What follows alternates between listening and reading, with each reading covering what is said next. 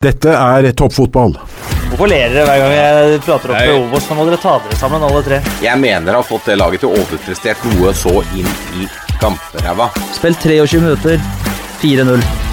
Faen. Det gjelder jo ikke bare tipping, men altså folk flest er jo idioter. Uh, det er mør... Ja. Han kommer ikke til å gå gratis. 96 flasker med, med øl skulle de ha for han.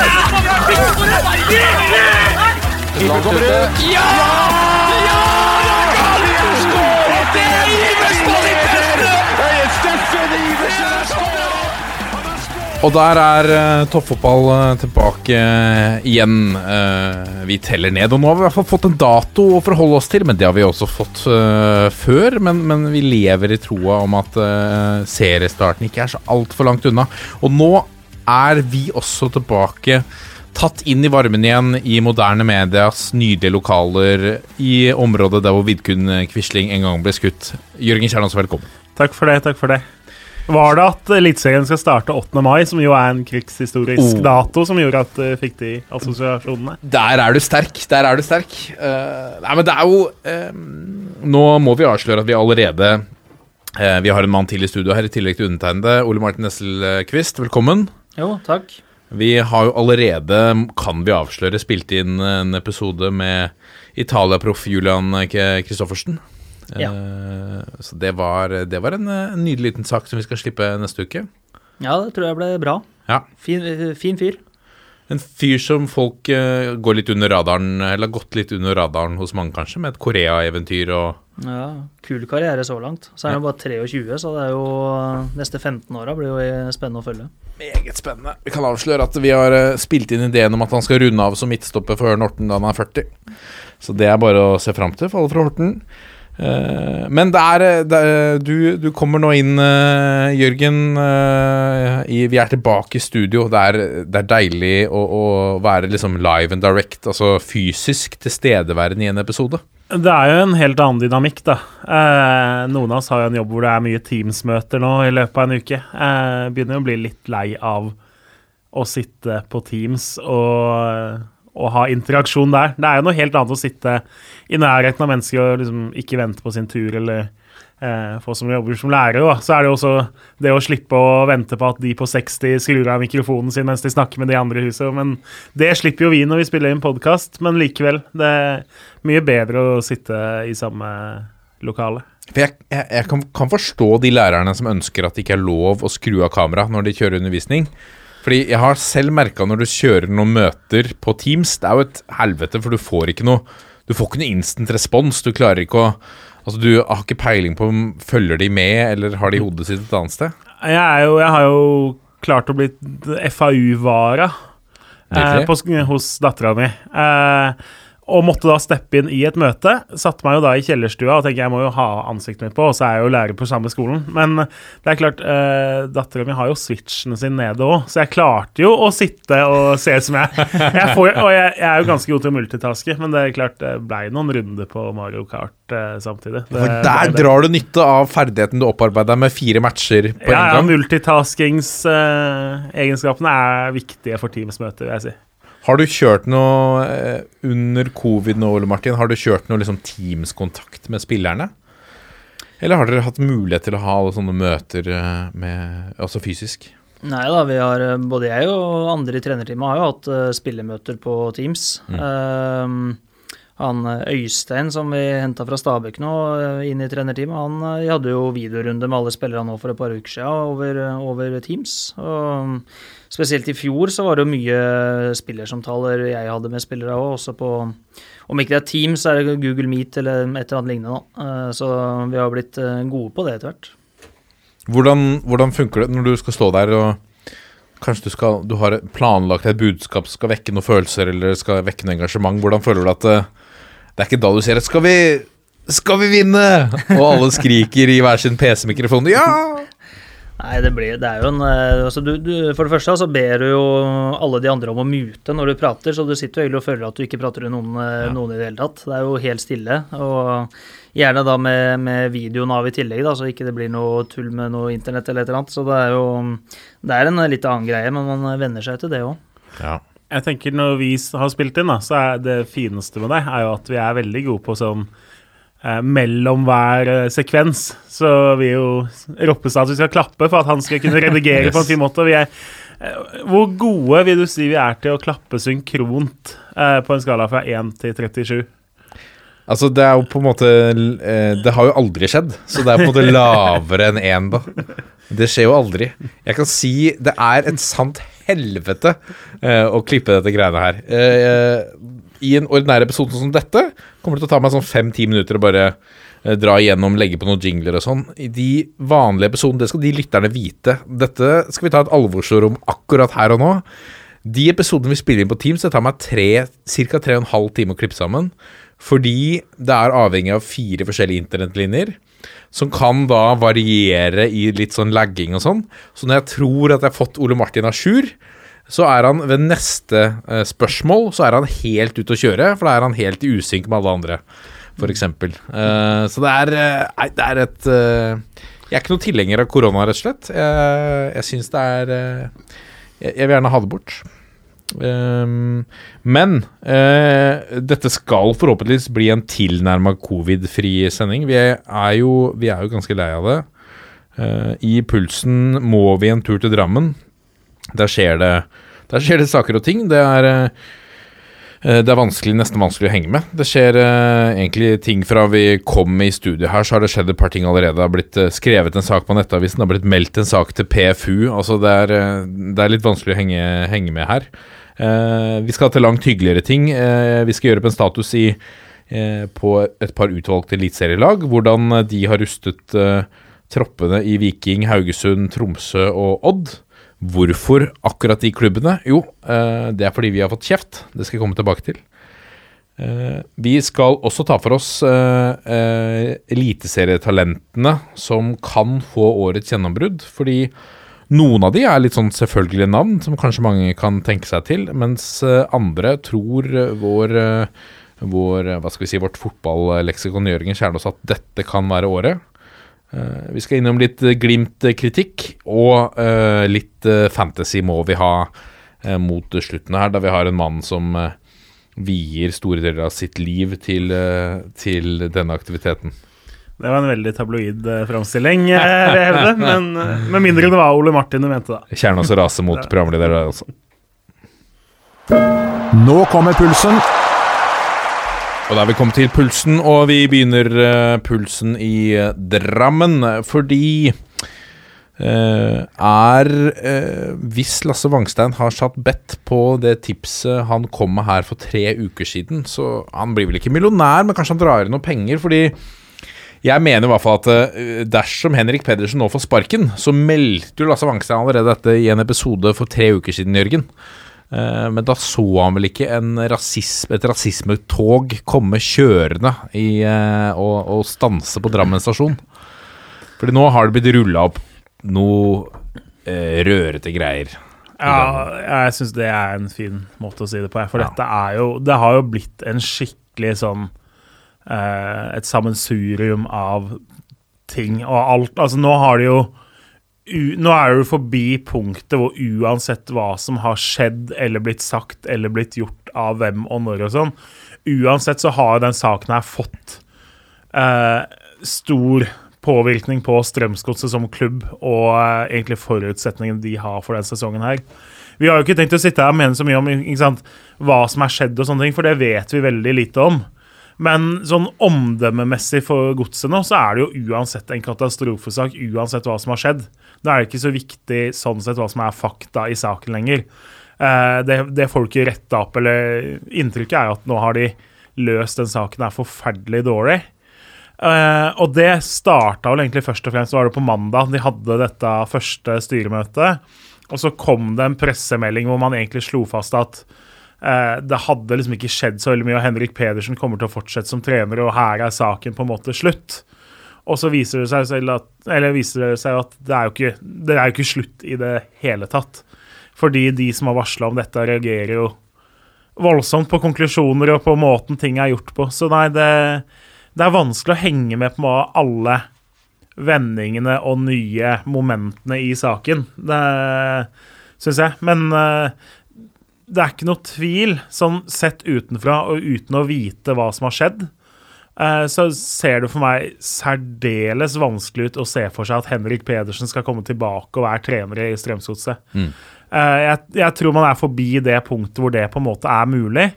Og så er man heller på det punktet for hvordan ting faktisk må eller kan eller bør løses, både juridisk, og så også for at han da uh, må på en måte få uh, på en måte komme med sin versjon. At ikke han liksom blir mer svartmalt enn det er grunnlag for, da.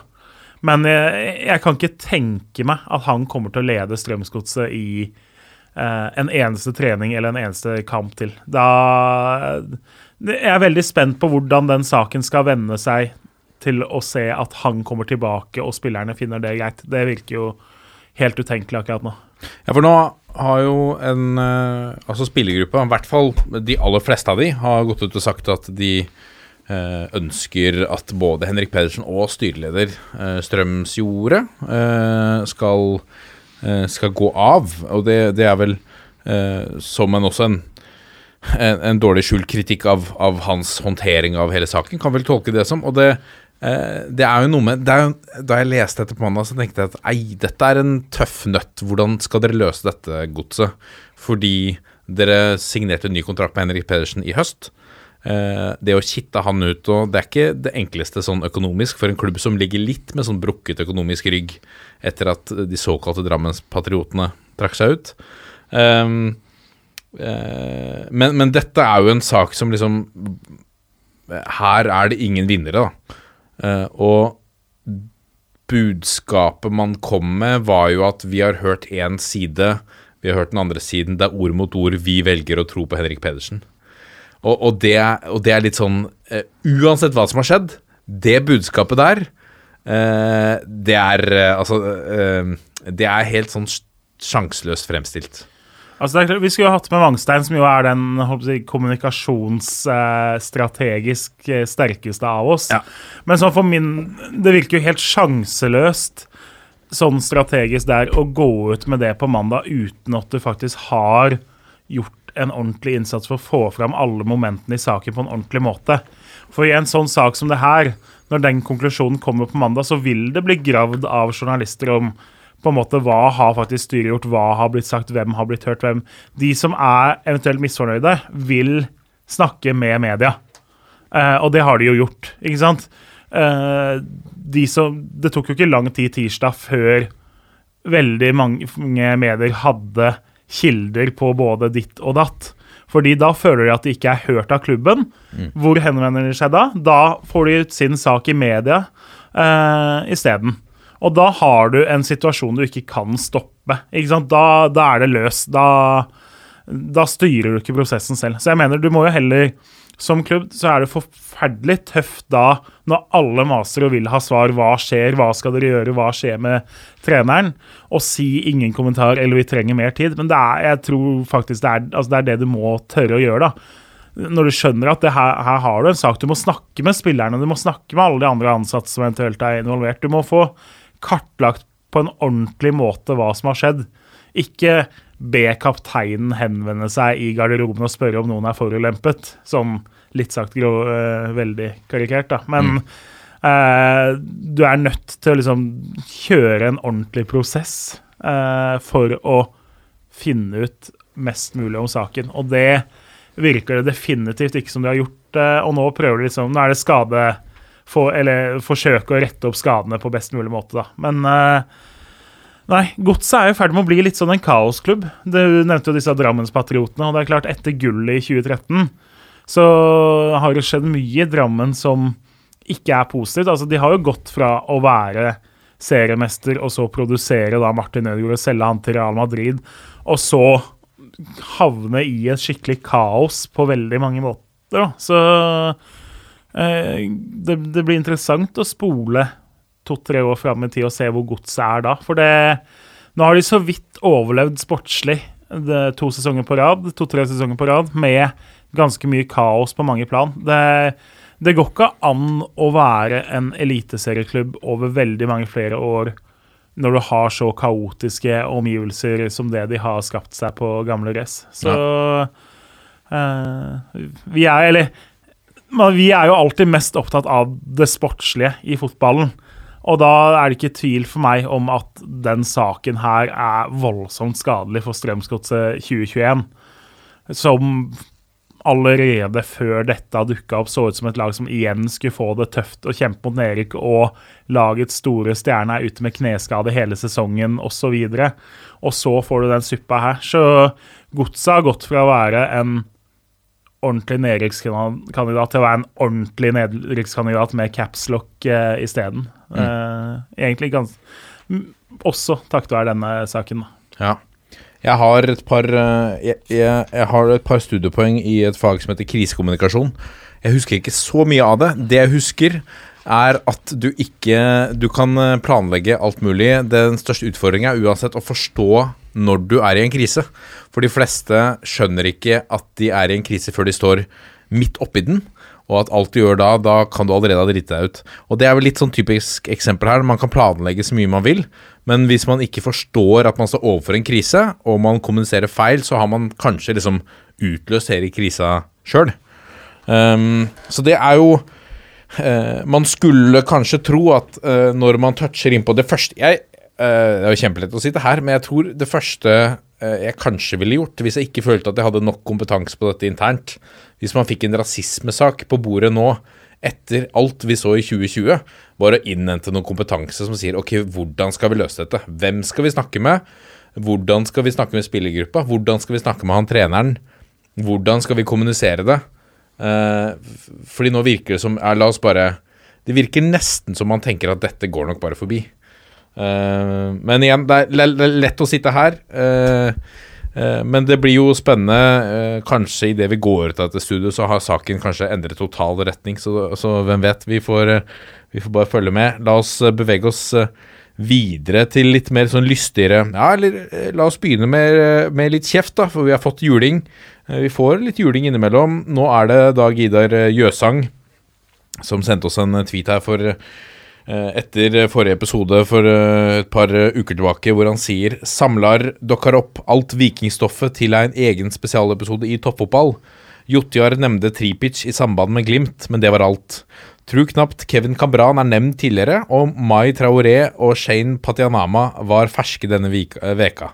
Jobber også med Tripic. Altså tydelig kritisk til at vi er noe selektive i våre gjennomganger av ulike lag, uh, Jørgen. Så denne uka så har jeg faktisk plukka ut de laga som jeg tror vi snakker sjeldnest om. Uh, og det er uh, til manges overraskelse kanskje Viking er blant, en blant de. FK Haugesund, Tromsø og Odd. Det er på feelingen de har fra hofta at vi snakker sjeldnest om. I hvert fall ikke helt bomskudd, kanskje. Nei, den kan kanskje legge på et par klubber der også. Uh, men la oss begynne med, med, med Viking da, i, i, Stavanger. Hva er, uh, hva er ståa, ståa, der, uh, med sidestilt trenerteam og det hele? Får de et, etablert et lag på, på, beina? Det har vi jo faktisk vært innom, både da det ble klart og nevnt innom seinere. Med trenerteamet, ja. Med ja. det trenerteamet. Men altså, Viking får hoppe til konklusjonen først, da. jeg syns jo stallen er ganske god, men så mangler det liksom én eller kanskje to liksom skikkelig gode brikker da, for at de skal være et lag det er mulig å ha sånn ordentlig tro på før den sesongen vi går inn i nå. De har god dekning på de fleste plasser. De har mange spillere som kan bekle mange ulike posisjoner. De har potensial til å kunne bytte formasjoner fordi de har spillertyper som takler det. Men det mangler liksom den siste brikka offensivt, sånn type Lajoni til Vålerenga, som gjør at du går fra at Vålerenga er en medaljeutfordrer til å være en ordentlig medaljekandidat. ikke sant? Den signeringa mangler Viking før Så de er kanskje sånn i mitt hode nå kanskje best blant resten, altså bak de fire alle forventer å være i toppen. Så Viking er et sånt femte-, sjette-, sjuendeplasslag for meg nå. Så mangler det da også Den spilleren vi snakker om, heter jo da sannsynligvis, hvis Viking skal få tak i en sånn spiller, så er det Slatko Tripic. Fordi han sitter med en kontrakt som vel går ut i sommeren i uh, Tyrkia. Har ikke spilt så mye, kanskje, og slått så godt til. Det er som håpa. Stavanger Aftenblad har da meldt at han uh, er absolutt åpen for en retur, da, men så er det jo det. Han sitter jo i Tyrkia og tjener mer enn Viking har mulighet til å tenke seg å kunne tilby han. Han vil jo liksom ikke hjem så lenge det funker i Tyrkia og sånn, men skulle han nå komme tilbake før seriestart, så er Viking ikke helt der oppe med de fire laga som alle forventer skal være topp fire. Eh, men definitivt veldig mye nærmere, da. Så du knapper inn noen poeng på den avstanden, da. Men eh, når du sier signeringene Det er jo Viking har jo henta litt sånn Uh, Kevin Cabran vet jo hva han står for. Og det jo, henger jo også sammen med fordi de har jo mista voldsomt mange offensivt. Butychi eh, takka for seg etter en veldig god sesong og hadde gode kort på hånda der. Dro også til Tyrkia. Ibrahima har også eh, utgående kontrakt, dro til Russland. Og så når du da i tillegg har mista Di Sosa og Østensen, så har de mista en del alternativer offensivt. da. I tillegg til å miste de to gode, så har de mista to av de som veldig ofte var innbyttere for dem, eller kunne spille offensivt. Så eh, Så Viking litt svekka offensivt der, selv om Kabran jo Han begynte å glimte litt til på slutten av forrige sesong. Det er jo en ganske god eliteseriespiller, men han har jo ikke produsert så mye som Start hadde forventa. Det har vært litt sånn Han har sett tidvis litt sånn han har jo vært frustrert over ikke få gå da det rykka ned første gangen. og litt sånn, Så ble han lånt ut, og så kom han tilbake. og så eh, var det klubber som var interessert eh, før forrige sesong uten at han fikk gå da, blant annet. Så, men det er en spiller med en potensiell oppside. Utvilsomt, fordi Litt bedre lagkamerater, kanskje litt mer ro, litt mer harmoni i klubb?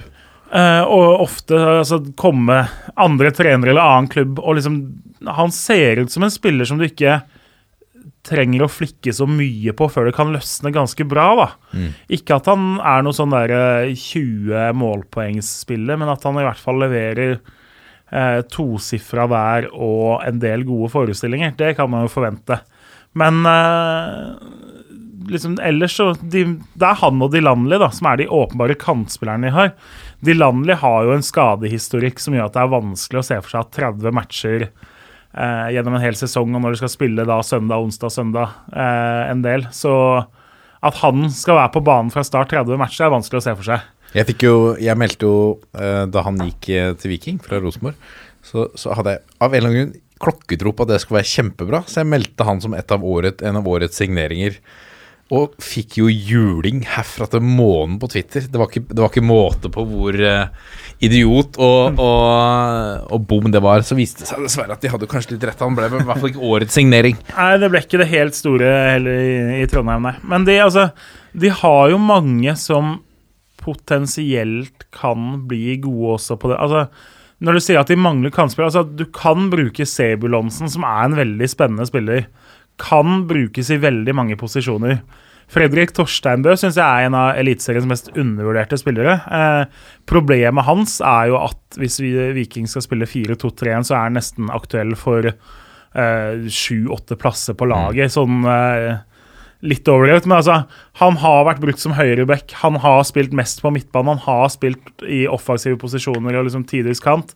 Han har så vidt vært innom spissplassen. så liksom det er nesten bare stoppeplassene og venstrebekken og keeperplassene han ikke er aktuell for da. Og det er, det er fint å ha sånne spillere, men det, er, det var litt det vi pekte på med Viking i fjor òg, at det, det, var vanskelig å si hva som er den beste elveren deres. Og det er jo også da litt sånn, Nå snakkes det om at Samuel Fridjonsson har hatt en veldig god vinter. Kanskje skal spille i tierrollen. Så har du Sondre Auklend, som er et kjempetalent, som jeg håper de satser på i den rollen. Som har masse spennende, som fikk sitt 2020 litt ødelagt bl.a. av sykdom. Uh, Jonny Furdal fikk sitt 2020 ødelagt av sykdom. Han er på vei tilbake. Kanskje han igjen kan løsne. så er Det jo, det er jo en spiller som uh, i veldig mange år var en breddefotballegende. Han levde jo sitt liv i andredivisjon og så et par år i førstedivisjon før han var veldig gammel før han kom opp i Eliteserien. Men det er klart, hvis han finner tilbake til sitt gamle jeg, så er jo, uh, har du jo ikke en artigere spiller å ha i en tierrolle enn han, da, egentlig. Nei. Bak Berisha, som jo Når vi sier at de mangler en stjerne Altså, de har Berisha, da, men du mangler liksom én til for at du skal eh, Og der er ikke altså Kabran, Dilanli, Løkberg og Bell på midten, f.eks., eller Fride Jonsson, de er ikke der. Så kan man si at det var ikke Tripic eller Butichi heller før de løsna veldig i 2019 og 2020. Så det er klart, Kabran kan jo løsne på samme måte, men, men det er vanskelig å spå han til en like god sesong som de har hatt nå to år eh, på rad her, da. Eh, de har jo andre, Jeg syns Sondre Bjørsvold på høyrebekk eh, er en Han også mye inn og ut med skader og litt i fjor. Uh, en av de mest spennende bekkene vi har i uh, Eliteserien. Ikke sånn Han går mye under radaren til folk. Han kunne gått ja, Nå kan jo egentlig alle gå opp og ned Karl Johan uten å bli gjenkjent, for det er jo ikke folk der. Men eh, han kunne gått opp og ned Karl Johan på 17. mai eh, under normale tilstander uten å bli gjenkjent, for å si det sånn. Men eh, stødig, god bekk, bra offensivt. Han eh, tenker jeg som, altså Jeg tenkte liksom sånn at det, det har jo gått noen fra Viking til Molde eh, også. At uh, Bjørsvold er ikke helt umulig at kunne vært nestemann hvis uh, si Holmgren Pedersen ble solgt eller Harald Seid valgte å ikke forlenge, f.eks. For Spiller jeg syns er god, selv om alderen jobber litt mot han. Altså Han er jo ikke gammel, men er jo ikke pur ung heller, sånn at Molde ser videresalg. Men de har jo uh, det som jo er sant, spennende Viking har mange som kan slå til. Du har, I fjor så signerte Henrik Heggheim med proffkontrakt i mai. Han ble jo en av de store utropstegnene i fjor. Han var jo strålende på stoppeplass. Det var jo en fyr som du altså knapt nok Viking-supporterne hadde hørt om før sesongstart. Han øh, fikk sjansen pga. tilfeldigheter. Nå har de jo da altså, Vebjørn Hagen har signert kontrakt, skal utfordre om venstrevekkplassen. De har eh, Kristoffer Paulsen, som er en veldig spennende stopper, men han er 17 år, da. Så ikke sant, Viking er et lag Når du ser på stallen, så har de ganske mange spillere som kommer til å spille i år, men hvem som spiller 108 minutter og hvem som spiller 2500 minutter, det er ikke like gitt da, som hos veldig mange andre. Når jeg skal sitte og spå tabeller og så skal skrive sånn forventa elver og sånn, så er det noen lag det er veldig lett på. Eh, ganske Vålerenga veit du elveren til. Det, det er ikke noe hemmelighet. Alle vet hvordan Vålerenga stiller i år hvis uh, alle er skadefri. De har ett lite spørsmål på venstrebekk. Det er det, liksom. De ti andre plassene er gitt. Uh, Viking så er det nesten bortsett fra spissplass uh, og et par til at ting ikke er likegitt, da. Eh, så det, det er et lag som det er Det blir interessant å se da hvordan de to likestilte trenerne skal stille opp laget, og hvem av dem som bestemmer det til slutt. Men vi skulle vel også snakke om disse nykommerne, og der må jeg innrømme at det eh, det er ikke noen navn jeg kan si at eh, jeg kjente godt til fra før av. Navnet på Mai Traoré, det har jeg jo sett sånn kun i forbindelse med liksom å ha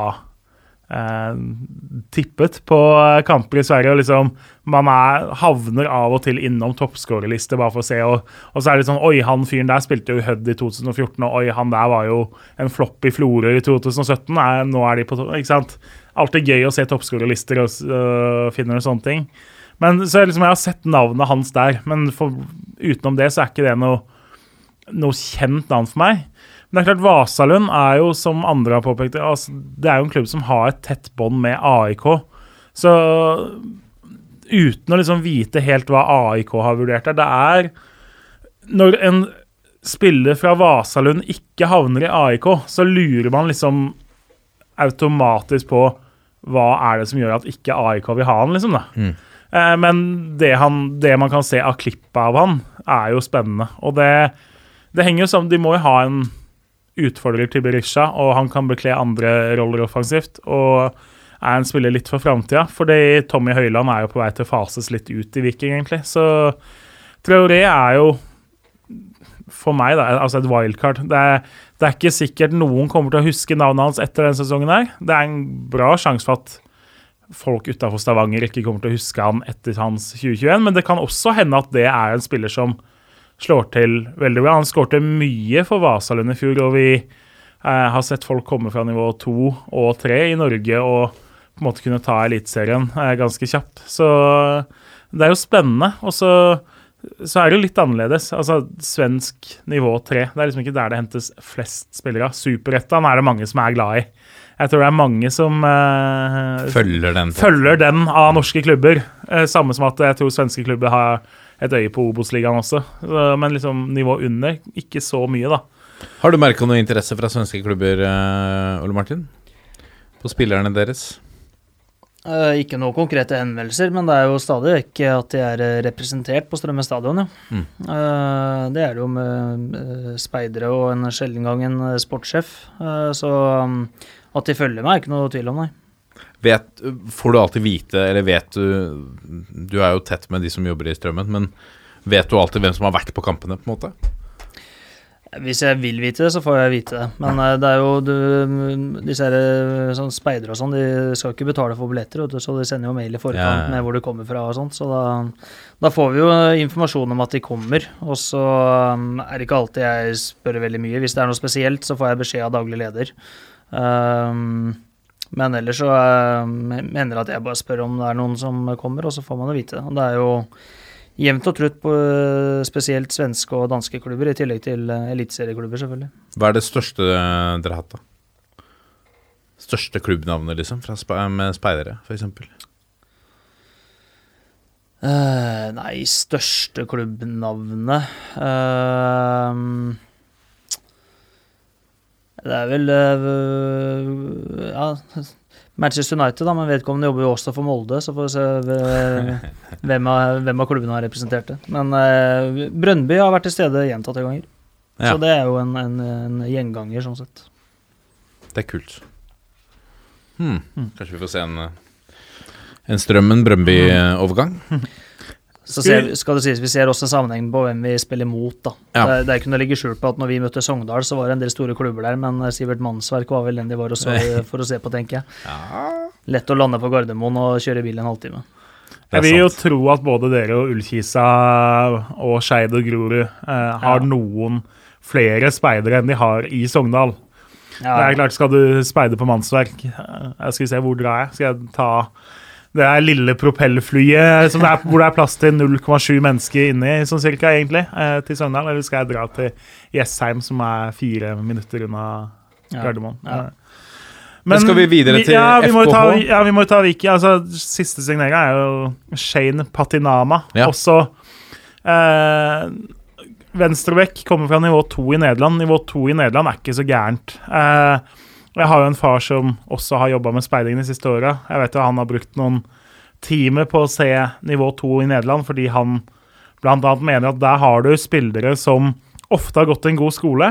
Patinama har vært tre år som eh, juniorspiller i Ajax. Eh, hvis du ikke har fått en ganske god fotballutdannelse på de tre årene, da er det sannsynligvis deg det er noe gærent med. Fordi det er jo et av de mer ansette stedene du kan være som junior, tross alt. Eh, og spillerne der ofte sant, Nederland litt sånn altså, Ofte greie typer å ha med å gjøre. Ofte uh, ikke sånn uoverkommelig lønn. Ofte at de kan se på et uh, nivå 1 i Norge som en fin karrierevei videre. så hvis du finner liksom riktige typene, så kan det være et fint marked. Og De har jo da funnet en veldig offensiv venstreback. Når du ser på uh, analysevideoer av han og sånn, så er det jo en fyr som er veldig glad i å være med framover og bruke venstrebeinet sitt, og ofte er involvert og kommer til mye innlegg og ser ut som en sånn venstreback-type som supporterne liker, da. Så eh, jeg er veldig spent på å få se han eh, i vikingdrakt og i aksjon. Det er jo det som er mest synd med alt når vi sitter og snakker om det, at jeg, jeg savner de treningskampene så vanvittig nå. Fordi eh, man Altså, man kan jo ane litt, men om ser man på en spillerstab, så skjønner man litt hvem som kommer til å spille hvor. Men når du får se treningskampene, så får du jo mer og mer fasit på hvordan trenerne tenker, og hvem som faktisk eh, er påtenkt å være høyre bekk eller venstre bekk eller indre løper eller tier og sånn, ikke sant. Så det, det må jeg si jeg gleder meg vanvittig til. Men at han er henta inn for å være førstevalg, det er jo ikke noe tvil. Så det blir, det blir spennende å se om det Viking har sett på sine analyser også kan vises på Eliteseriens fotballbaner i år, da. Før vi går til Haugesund, fantasy-tips på, på Viking? Ja, ja, Viking Det så jeg jo. altså Samuel Fridjonsson koster 6,5. Er vel tenkt å være den tieren i utgangspunktet. Kan være spennende. Sondre Auklend koster 5,0 mil hvis han får, hvis han får gjennombruddet sitt. Så altså Håkon Evjen kosta 4,5 for to år siden. Jeg skal ikke hype opp Auklend dit, men at han har i hvert fall en potensiell stor oppside, det er det ikke noe tvil om. Og så må man jo holde altså, man må holde seg unna Dilanli, fordi da har du en skadehistorikk som jo kommer til å koste deg eh, dyrt, både av eh, revne hårstrå og budsjettet ditt på spillet. Tror du at Delanley holder seg unna Delanley på fancy? Det, jeg tipper jo han, eh, han veit om han skal, er skada eller ikke, så jeg tror i hvert fall han Uh, han sitter med en liten fordel der, da. Det må jeg si. Men altså, på førsteutkastet mitt så tror jeg ikke jeg har en eneste viking inne. Det er klart Fride Jonsson må vel uh, kanskje inn der, hvis han viser noe i treningskampene som, uh, som er bra. Og så har de jo da Men ellers så er det litt Det her skal vi snakke mer om etterpå. Det er Noen irriterer seg over det å snakke, men sånn at Bekka koster fem og en halv, det er en halv mill. for mye, da. Til at de framstår veldig fristende. Uh, og så sam... Nei, det er Berisha koster 10,5.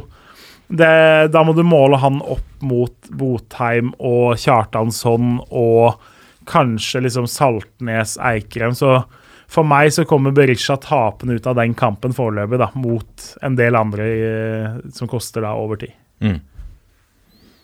Eh, FK Haugesund. Uh, Ole Martin, vi snakket om i denne podkasten også at du var i samtale med FK Haugesund tidligere. Uh, I den prosessen kartla du liksom, Var en av forberedelsene dine kanskje å kartlegge stallen? Har du liksom god oversikt over, over, over spillerne og, og, og, hvordan det ser ut der oppe? Nei, Jeg skal ikke påberope meg å ha noe ekstremt god oversikt der. Uh, når jeg var i den dialogen, så hadde jeg jobb som jeg måtte bruke tid på. Uh, så det var ikke sånn at jeg um, gjorde inngående research, nei. Det var det ikke. Jeg kjenner jo kjenner til Haugesund som de fleste eliteserieklubber. Noe kunnskap om, noe god kunnskap om noen spillere, og mindre kunnskap om andre. Mest spennende signeringa, Jørgen Kjernås, er det Liseth fra Mjøndalen, eller er det Egil Selvik fra Odd? Det vil jeg jo si er Selvik. Mm.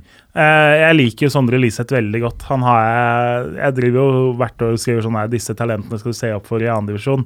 Så jeg var jo en av de første jeg påstå som hypa opp Liseth da han uh, fløy rundt uh, i Fanas tidvis litt tunge 4-5-1-formasjon, hvor han var litt sånn Litt samme rollen som han hadde i Mjøndalen. Da. Han skulle være mye enmannsangrep. Så den spiller jeg veldig sans for. Og så er jeg, som veldig mange andre, veldig spent på hvordan de skal bruke han. For det er jo vanskelig å tenke seg at Sandberg eller Velde eller Waji skal ut av laget. Og det er også vanskelig å tenke seg at de har kjøpt Liseth uten å skulle bruke han. Så da ligger det jo litt i kortene at det kanskje blir en 4-2-3-1-variant, eller 4-2-1-3, eller hva du vil kalle det. Eller om det blir 4-4-2 og Velde og Sandberg skal ned. Eh, veldig spennende å se hvor de skal bruke han. Men uh, han er ekstremt sterk uh, feilvendt og veldig god på Veldig god på veldig mye ting som gjør at han og Waji kan bli en veldig spennende duo. da. Og når du da i tillegg har to gode kantspillere uh, på sidene, så, så, er det noe spennende med det Haugesund-laget offensivt.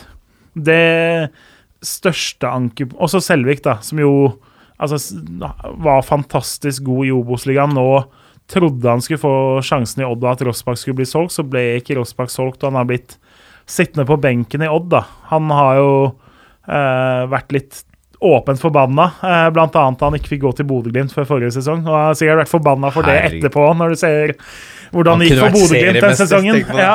Eh, men det er klart, han eh, Det er jo en spiller, eller en keeper, som har venta nå på å få den riktige anledninga, og det Haugesund Sandvik jo, har jo vært litt uten nå pga. litt andre ting. Eh, og da eh, Selvik er nok duka for å få komme inn og få eh, den første keeperplassen fra sesongstart. Så det er, det er, veldig spennende å endelig få se han i Eliteserien. Så, men altså det store ankepunktet for meg mot Haugesund er bredden på stallen. De er som mange andre, men altså det er andre lag inni haugen der som er bedre rusta for å takle tre skader på, i elveren enn det Haugesund er. Eh, de har litt sånne spillere du kan flytte rundt, sånn som Tore Bårdsen Pedersen. Kan egentlig spille på alle plasser, nesten. Er god. Litt sånn samme som vi snakka om Torsteinbø i Viking, da. Eh, egentlig god uansett hvor du putter den på banen. Men ellers er det en stall som uh, ikke er helt rusta, sånn jeg ser det, for å spille søndag, onsdag, søndag veldig lenge, da. De, uh, så i tillegg så er det litt usikkerhet på bl.a. disse danskene, Mikkel Desler og Benjamin Tidemann. Er vel blant de, to, blant de som sitter med kontrakt som går ut uh, etter sesongen, og som vel har vært litt sånn at de vil vente og se litt hvilke muligheter som åpner seg for dem. Og Desler er blant de beste høyrebekkene i Eliteserien, og Tidemann er blant de beste stopperne i Eliteserien. Så eh, det er ikke veldig vanskelig å kunne forestille seg at begge de to vil ha friere på døra når de kan begynne å snakke med andre klubber allerede i juli. I tillegg så har vel Bruno Leite kontrakt som går ut allerede til sommeren. Mener han har kontrakt ut juni eller ut juli. Eh, så du har på en måte ganske mange som eh, Hvis du tenker litt fram i tid, da, som det er litt spørsmålstegn rundt. Niklas Sandberg var jo veldig ønska av Viking, og selv om Haugesund ville holde på han, så virka det som han var interessert i det. Han har kontrakt to år til, men likevel. Men en spiller som Bruno Reite, som vi har snakket om, og ser, mm. altså har et vanvittig høystenivå med, med, med, ball i beina. Eh, er det en mann som er duket for et utenlandsoppgjør, eller han, kan han fort havne inn på midtbanen hos Dag eller Fagermo? Ja, burde Han burde jo ha havna på den midtbanen eh, på Valle Hovin for eh, ganske mange år siden, hvis folk i Vålerenga hadde gjort eh, jobben sin da. Det må jeg jo si, for han er jo eh, vokst opp på Årvoll og har herja ganske godt med aldersbestemte lag i Vålerenga ganske lenge, både da han var, spilte i Bjerkealliansen og Årvoll og da han spilte i Skeid. Så han skulle jo ha vært i Vålerenga, men da er du fem, seks, sju år tilbake i tid. Mm. Eh, jeg tror eh, han har lyst til å teste hvilke muligheter som finnes for han. Store problemet hans er jo at uh, titter du på veldig raskt på statsene, så, så, bidrar han jo med ekstremt få mål og assist. Uh, han bidrar med veldig mye positivt ellers på banen, men han mangler liksom Hadde han skåra fem mål, fire mål og tre mål de tre siste sesongene, også liksom hatt omtrent det samme antall assist, da, så hadde han kunnet gått til en ganske anstendig liga. Eh, ganske anstendig klubb som kunne betalt han mye bedre enn det Haugesund kan tenke seg å betale. Eh, jeg tror fortsatt han har muligheter som kan åpne seg for han, men han, han må begynne å score litt hvis han liksom skal finne klubber som han kanskje håper på, da. Jeg tror ikke han er der nå, for når du ser en spiller som har spilt tre eliteseriesesonger, så har han vel én eller to skåringer og knapt nok assist også så, så, er det en ting som vil kunne brukes mot ham. Men jeg liker Bruno kjempegodt som spiller, og eh, tror jo han fort kan være tapt for dem. Mm. De har jo da altså Peter Terkelsen, som de henta De har jo henta veldig mye dansker. De hadde jo en dansk assistenttrener òg. Terkelsen har viste jo noe positivt i høst, som gjør at han kan gå inn på midtbanen der og på en måte gjøre savnet ikke så stort.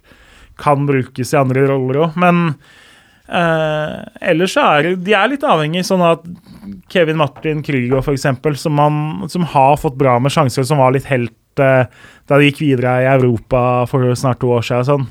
Eh, men så har det ikke løsna helt for han ennå.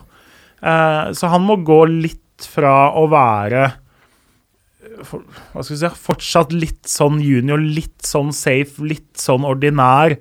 Levere mye sånn OK forestillinger til å være en som står litt fram og tar litt tak på midten. Uh, han Også en spennende spiller, men han, han, må liksom steppe det opp litt. Nå er han på sin tredje sesong hvor han er inne på laget og spiller mye, liksom, så det kan ikke bare være uh, en av støttebjelkene. Det må være en av hovedpilarene, heter det. Jeg, Grunnpilarer? Ja, ja jeg, jeg, må innrømme at alt, av sånne tekniske ting skal, og byggemessige ting skal jeg passe meg for. Men han, han må bli med, enda mer sentral og enda på en måte eh, større som type og som leder og som spiller på banen. da. Mm. Eh, men altså, de har, de har et bra forsvar. De har den mest spennende nysigneringa på keeperplass. En av de mest spennende keeperne vi har. Eh, fin duo for så vidt på midten, altså hvis det blir den fireren på topp, da. Så elveren til Haugesund er god nok til å være på øvre halvdel, men hvis de som sagt, får tre skader, så er de mye mer utsatt enn f.eks. Viking. da. Mm. Elveren til Haugesund og Viking er for meg ganske jevngode. Eh, hvis du tar nummer 12 til 22 i stallen og hadde satt, så er jo Viking f.eks. mye bedre enn Haugesund for meg akkurat nå. Så det du sa i stad, var at Viking kan banke på de topp fire gjengen, så vil si at uh, du putter Haugesund godt opp på sånn sjette-sjuendeplass? Ja, altså hvis du ser, hadde, ser du kun på elverne, ja. så tror jeg ville vurdert Haugesund et sted rundt der nå.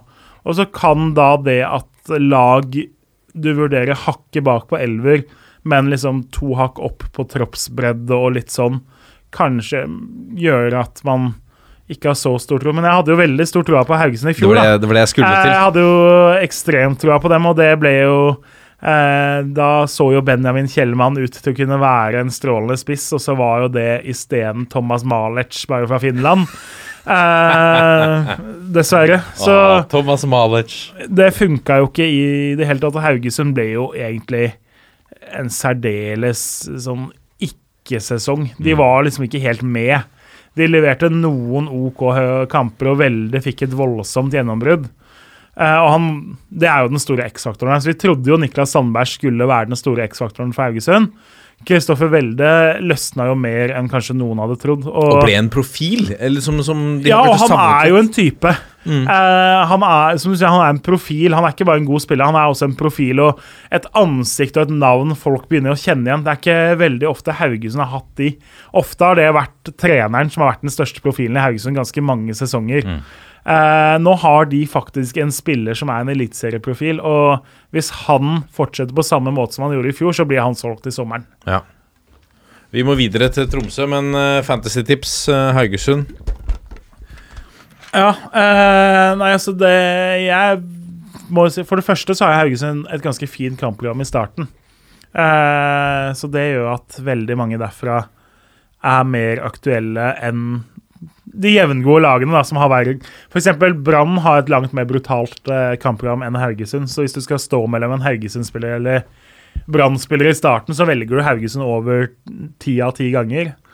Men uh, det er klart det er den mange kommer til å ha da, er jo nettopp Velde. Så er det Vi har jo ikke snakka om Alexander Stølås. For to år siden så var jo han den Eh, og tre år siden. Så når han hamra inn alle disse frisparkene sine og hadde assist og alt mulig Han var jo en helt vanvittig fantasy-spiller. Altså Han hadde fire mål og åtte assist i 2018 og tre mål og fem assist i 2019 før han ble skada. Han, han, spilte 900 minutter eh, den sesongen og hadde likevel åtte målpoeng. Så eh, hadde han bare fem assist og ingen mål i fjor, så da ble det sånn antiklimaks uten like. Men mm. det er eh, det er mange av oss som drømmer om at han skal tilbake dit, men han koster jo da også 6,5, så det er, det er, ikke noe du tar sjansen på fra start av. Selv om det er veldig fristende når oppsida er så potensielt enorm, da. Selvik i kassa der, da? Selvik eh, er inne på mitt lag akkurat nå fordi eh, mange Han koster bare fem, mange keepere koster fem og en halv.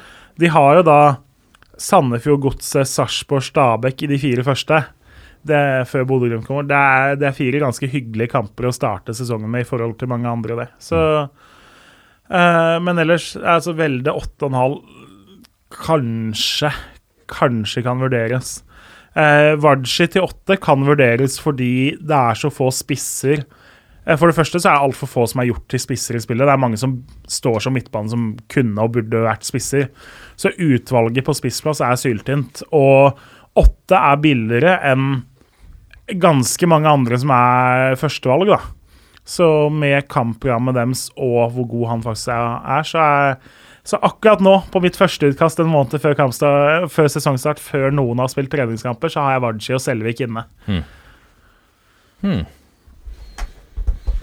Er du en fantasymann, uh, Ole Martin? Uh, nei, jeg har aldri, aldri spilt det. Men uh, jeg får jo med meg litt uh, hvordan det fungerer her, selvfølgelig. Men jeg tror samtlige av spillerne mine spiller både Premier League og Eliteserie Fantasy. Så det er jo en eh, jevnlig prat i garderoben. Men sjøl har jeg aldri, aldri eh, gjort det. Og det er fordi at jeg har inntrykk av at hvis du skal lykkes, så tar det tid. Mm. Og eh, det har jeg ikke. Rett og slett. Nei, rett og slett. Men du har ikke For vi har jo en sånn toppfotballchat gående i redaksjonen, og Jørgen Kjernås mestrer jo kunststykket å sjonglere oversikt over det Norges fire øverste divisjoner, et favorittlag ved navn AFC Wimbledon og uh, spille seg opp til 2027. tredjeplass for Ebsfleet United i, i Premier League. Det Double i 2029 nå. Champions League og Premier League. Har du spilt to sesonger siden vi snakka om det sist? Dette er jo helt Men, men du har aldri vært noen managermann? Uh, CM, FM heller? Jeg har spilt FM. Jeg tror siste og Skal vi se Jeg tror siste gang jeg kjøpte Eller eh, spilte FN, og 2009-utgaven, tenker jeg. Det var, eh, det var siste gang. Og det, det husker jeg, det kjøpte jeg fordi at det var første gangen jeg var med på spillet som spiller. For da var jeg i juniorstallen til Moss. Uh, og da, da spilte jeg litt, men etter det så har det ikke vært noe. Så var det jo når eh, det ble stengt ned i fjor, så kjøpte jeg jo FM i fjor for å se liksom om det kunne være noe. Og det spilte jeg i to timer, og så um, ga jeg opp. Det, jeg, um, jeg skjønner at folk syns det er moro, men jeg, jeg, men jeg er generelt sett ikke noe spillmann. da. PlayStation og sånne ting har liksom aldri fenga meg noe særlig. Nei, det er mer Toto og et glass sherry der i gården. Ja, og Sherry vet jeg ikke, men til, til Toto en lita konjakk, kanskje? Dette er toppfotball. Tromsø, da. Runar Espejord inne Altså, nå må de snart eh, starte sesongen, ellers så Det lånet til Runar Espejord blir bare kortere og kortere. Ja, og når vi snakker om tynn stall på Haugesund, så er ikke den så tynn som det kanskje Tromsø er. For det, Tromsø må ha en spillere, eh, egentlig. Det, jeg så internkampen deres her før alt stengte ned og før eh, ting stoppa og sånn. Da spilte reservekeeperen, eller tredjekeeperen, eller hva han blir, eh, han spilte venstrebekk på det ene laget. Nei, nei, Eh, han starta matchen med to feilkast på tre og en halv minutt. Altså jeg tenkte liksom ok, Ok, han, han kan i hvert fall ta innkast, da, men det var jo det han var dårligst på av alt. Eh, så nei, eh, Tromsø er litt sånn Jeg synes, altså Thomas Totland er jo en fin signering. Han var god for Tromsø, nei, for Sogndal i fjor. I Obos, eh, når de ser ut som de skal fortsette i 3-5-2, som vi kanskje tror, da. Eh, trener Gaute Helstrup gikk jo langt etter forrige sesong til å antyde at de skulle gå over til å spille med firebackslinje. Nå spilte de i denne 3-5-1-1-varianten sin i den internkampen. De henter jo spillere som passer til det systemet fortsatt. Så vi skal gjerne få endelig svar der på hva de har tenkt i treningskampene. Men eh, eh, de mangler jo fortsatt de, Jakob Karlstrøm gjorde gjorde OK i Obos i fjor. Nå har de snakka om å hente Nathan Trott på lån fra Westham. Uh, Wimbledon, gammel Wimbledon-spiller var på lån i Wimbledon før. Så, uh, og for så vidt en spennende ung engelsk keeper, men de får den jo ikke inn i landet, så det er jo litt sånn i det blå om Ja. de får inn det. Eh, på stoppeplass så syns jeg jo Nå har de jo henta Isak Amundsen på lån fra Bodø-Glimt. Det er jo en veldig spennende lånesignering, og der slo de jo mange klubber i det segmentet, på en måte, altså topp Obos, bunn, eliteserie, så var det mange som var interessert i å hente han. Eh, så stikker det jo sannsynligvis litt i hjertet på en del folk fra Tromsø at de nå låner en fyr fra Bodø-Glimt uten noe kjøpsmulighet eller kjøpsopsjon, og skal liksom utvikle Bodø-Glimts eh, største talent for dem, da. Ja, er det Men- desperasjon? Nei, altså, de, vi skal de spille med tre stoppere, og de hadde fire i stallen fra før.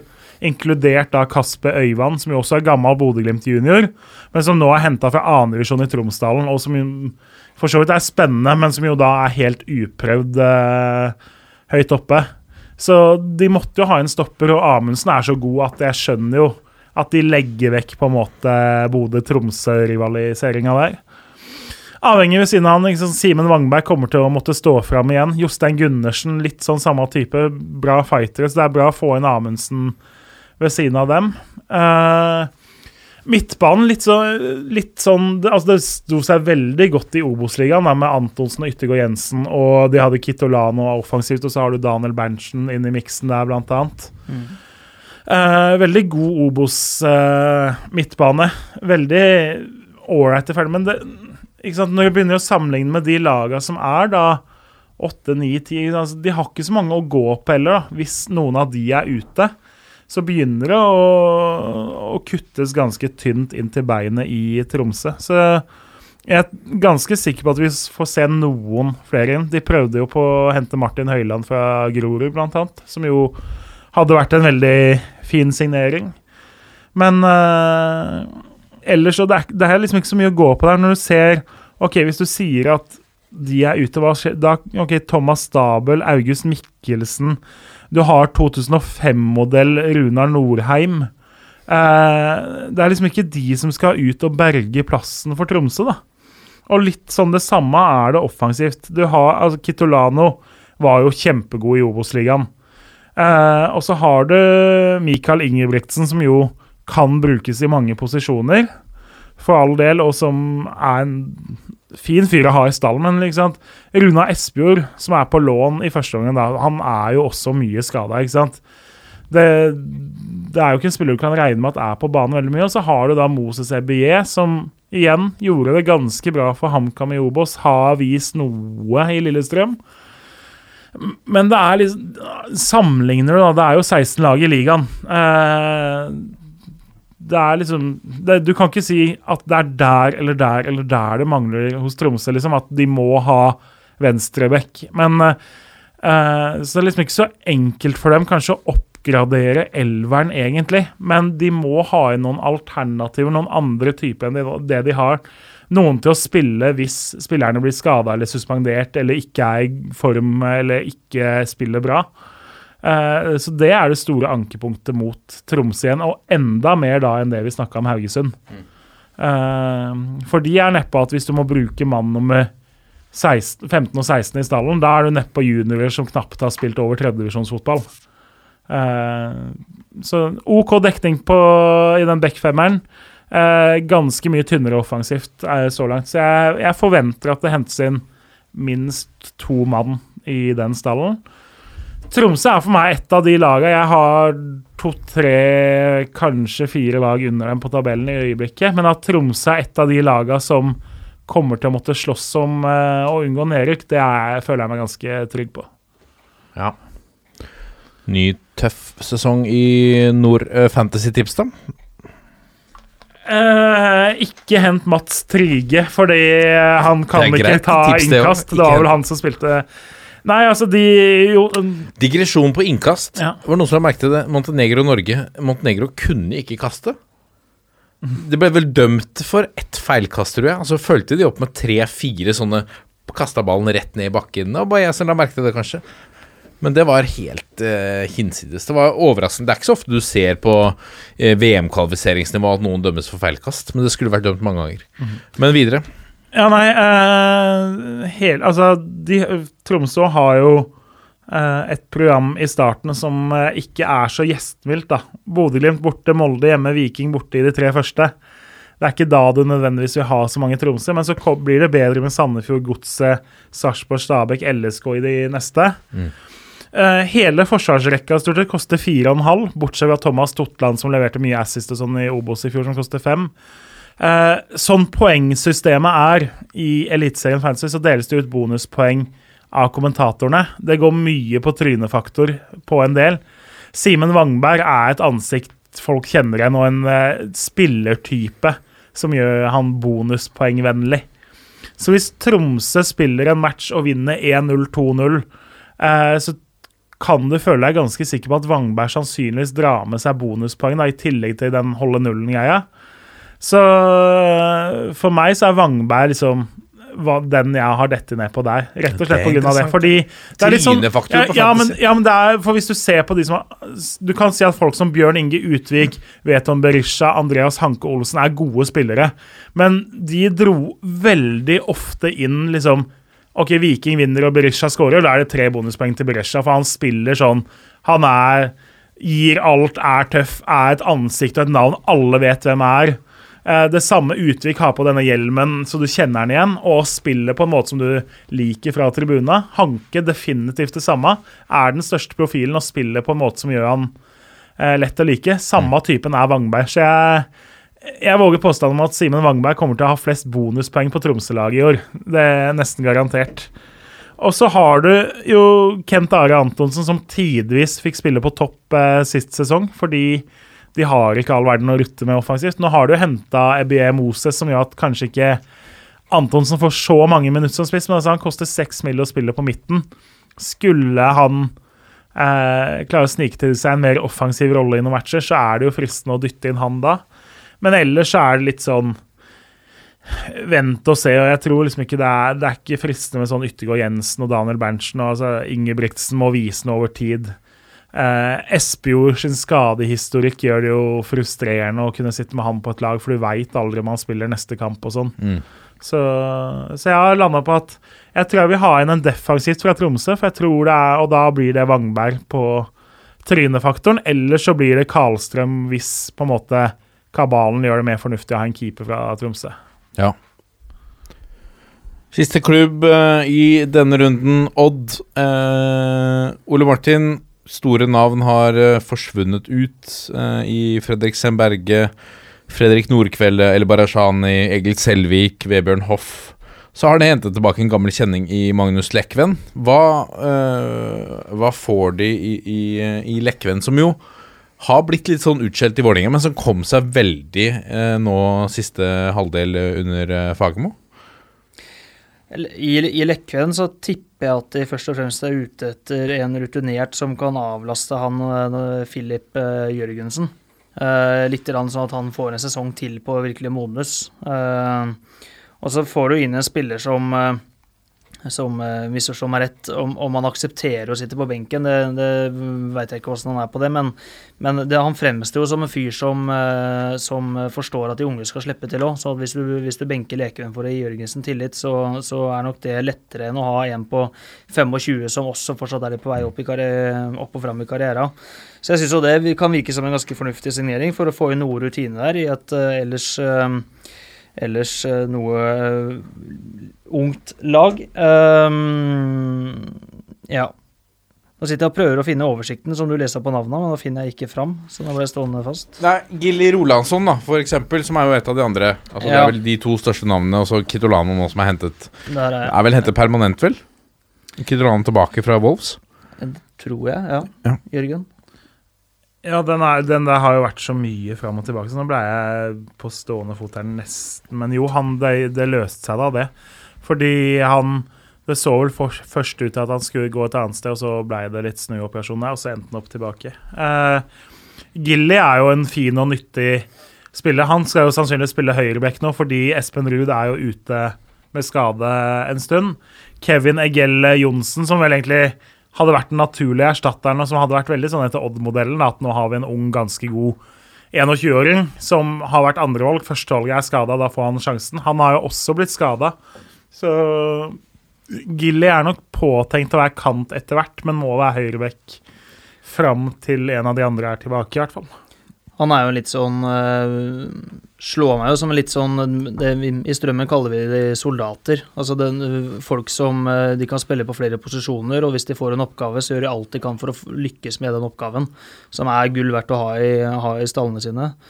Uh, Ovuse, er en spiller vi møtte my mye i fjor, uh, kjenner godt til. Han uh, er jo en, en kall det en sånn moderne stopper. Liker å ta med seg ballen fram, uh, skape ubalanse fra sin stoppeposisjon.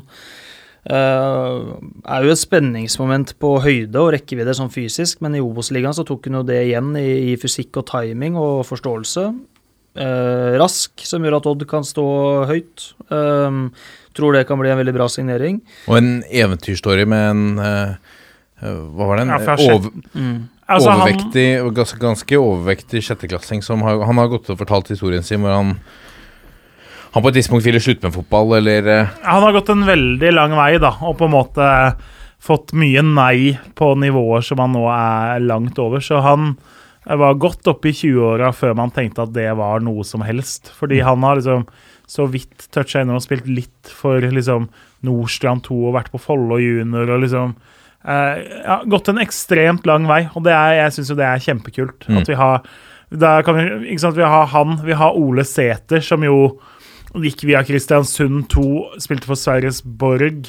Gikk til Nardo, og så Ranheim. Ikke sant? Altså, eh, han spilte sammen med John Ho Sæter, som da Og så spilte de sammen som 16-åringer, og liksom et halvt år seinere var Sæter den nye Skjelbred på Lerkendal, mens eh, Ole Sæter måtte Han måtte gå liksom ti år til nesten før han skulle få sjansen på Lerkendal, da, og via så mange bakevjer seg at eh, de aller fleste hadde gitt opp for veldig lenge siden.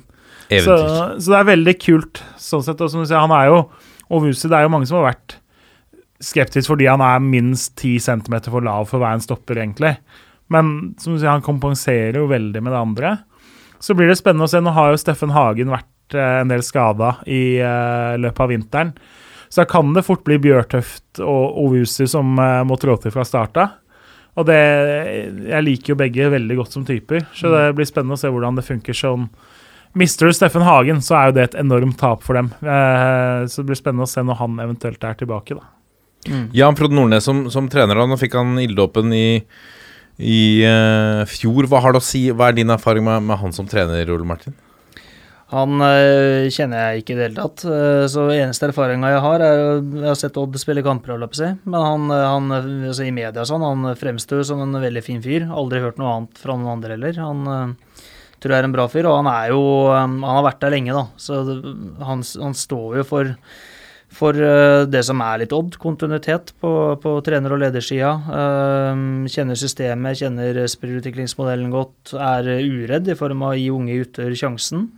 Eh, Så um, inntrykket er jo at han er, han er flink. Eh, Nå, jeg syns jo Odd også leverte en ganske bra sesong i fjor, og var jo også blant de klubbene som var veldig uheldige med, med covid på slutten der, så kunne vært med å fighta om medalje lenger, eh, potensielt. Så De fikk jo litt sy for litt tynn stall og på en måte og skader sånn sammen. Så det, de, den ballongen sprakk noe fryktelig på slutten her de siste rundene. De Ja. var de var sluttkjørte. De var som en sånn fyr på maraton som blir tatt igjen med liksom 40 meter de siste 80 meterne, egentlig. Eh, men jeg syns jo de For meg, det store ankepunktet mot Odd er det offensive, og da spesielt kantplassene. Fordi Bakenga løsna jo veldig bra i fjor. Nå er Lauritzen tilbake, som jo også er en veldig spennende spiller. Herregud, jeg må, jeg må skyte inn For de som ikke har hørt Heia Fotball sin episode med Mushaga Bakenga Altså Det er kanskje årets, uh, årets episode. Den, den episoden har alt, og det kommer til å gjøre at du heier litt ekstra på Mushaga Bakenga neste gang Old spiller. Uavhengig av hvilket lag du heier på. For en, uh, for en mann. Det er bare å uh, En mann som har kommet seg gjennom motgang på motgang. Yes, da er det sagt videre, Jørgen. Nei, så jeg, jeg tror jo de De prøvde jo de to litt sammen i fjor, hvor da Bakenga sto som kant på en lagoppstilling, men på en måte ble en veldig innoverretta kant. da, At det nesten var to spisser og en kantspiller med Rashani isteden. Eh, ellers så har de henta Konrad Vallem, som jo kommer fra Arendal, har vært i Tønsberg før det, har spilt U-landskamper. Er god toveisspiller, kreativ, kvikk, kan spille kanten. Er, jeg tror han har størst potensial på det Odd-laget som kantspiller. Kan eh, også være tenkt å prøve som indreløper etter hvert. Men ellers er det litt sånn Elias Skogvold fikk knapt noen sjanser i det hele tatt i fjor. Kommer jo fra Mjøl- Mjølner. Har nok kanskje best av å kanskje finne seg en klubb på nivå to isteden. Eh, får nok fort lov til det. Kåsa OK som kant, men altså for meg så er det mer indreløpertype. Er- han har mye spennende ved seg, men eh, ikke nødvendigvis som kantspiller. Kachi er jo ikke noe kant, og, selv, eh, og var egentlig en flopp eh, forrige sesong. Så, og så har de jo da henta Kristoffer Larsen, som jo er en spiller jeg er begeistra for, fordi da han var utlånt til Hønefoss, så så han jo ut som Messi, bortsett fra at han i tillegg måkte frispark fra 30 meter i krysset. Så øh, Men altså, Kristoffer Larsen på eliteserienivå, da får du tre helt sinnssykt bra fotballkamper i løpet av et år. Hvis han, hvis han starter 30 kamper, da, så kommer han til å være banens definitivt beste i tre. Og så kommer han til å være god i fem. Og så kommer han til å være OK i sju, og så kommer han til å være forferdelig i 15. Eh, så ikke sant, du får jo ikke noe stabilitet. Du har, du har en fin joker å kaste innpå hvis du ligger under 2-1-3-1 og må liksom sjanse på slutten, da. Men uh, han har jo aldri vært stabil. Men han har X-faktor, da. Og Odd har jo håper jeg, piska liv i døde hester før, for å si det sånn. Så det var jo ikke mange som hadde troa på at Bakenga og Odd skulle bli noe i fjor. Eh, Bakenga hadde hatt en sant, utlån fra Tromsø til Ranheim, fikk med seg Nerik eh, med begge klubba. Hadde vært litt skadeplaga, hadde ikke skåra mål og litt sånn. Og så kommer han til Skien, og det bare er en helt annen spiss, og endelig den spissen som slo gjennom på Lerkendal for snart ti år siden, er tilbake, da. Så Odd har jo også med, ikke sant, med litt begrensa budsjett, med stengte grenser, så har du ikke så mange du kan lete etter. Så jeg skjønner jo at de tar sjansen på Kristoffer Larsen. Men det, det er et sjansekort. De har ikke trukket et uh, billedkort. Mm. Fantasy-tips, da, på, uh, på Odd? Uh, få med deg at Espen Ruud er skada, sånn at du Ja. ikke tar ut en fyr som ikke kommer til å spille på noen måneder. Han, det kommer jo til å sitte noen som har ham på laget sitt, uh, men det er klart, hvis du, hvis du er i en sånn venneliga og ser at du har en fyr som har Espen Ruud på laget fra start Hvis du ikke slår han, da, du, da bør du begynne å analysere hva du har drevet med selv. Jeg tror jo Bakenga kommer til å være populær, selv om han igjen, god 2020, det gjør at han er veldig kostbar nå. Eh, veldig synd at Gilly Rolandsson er midtbanespiller, ikke, spiss, nei, ikke forsvarsspiller i spillet. Ja, for det var en favoritt for to år siden, mener jeg å huske. Ja, klart, altså forsvarsspiller og spille kant, Ja. da blir det jo veldig attraktiv. Bjørtuft til 5,0 som forsvarer kan være OK verdi. Han kommer til å starte, og de har et veldig fint program i starten. da. Eh, Godset borte, Sandefjord hjemme, Stabøk borte, Sarpsborg hjemme, Lillestrøm borte. Første fem. Det, det er ikke uattraktivt, det. Det er fem lag som Eller ja, altså Lillestrøm og LSK kommer jeg ikke til å tippe helt i bunnen, men det er fem lag som mange kommer til å tippe på nedre halvdel. Så du bør ha Odd fra start av. Kitolano på midten, altså Joshua Kitolano, ikke John, koster 5,5. Han eh, har jo veldig mye spennende ved seg.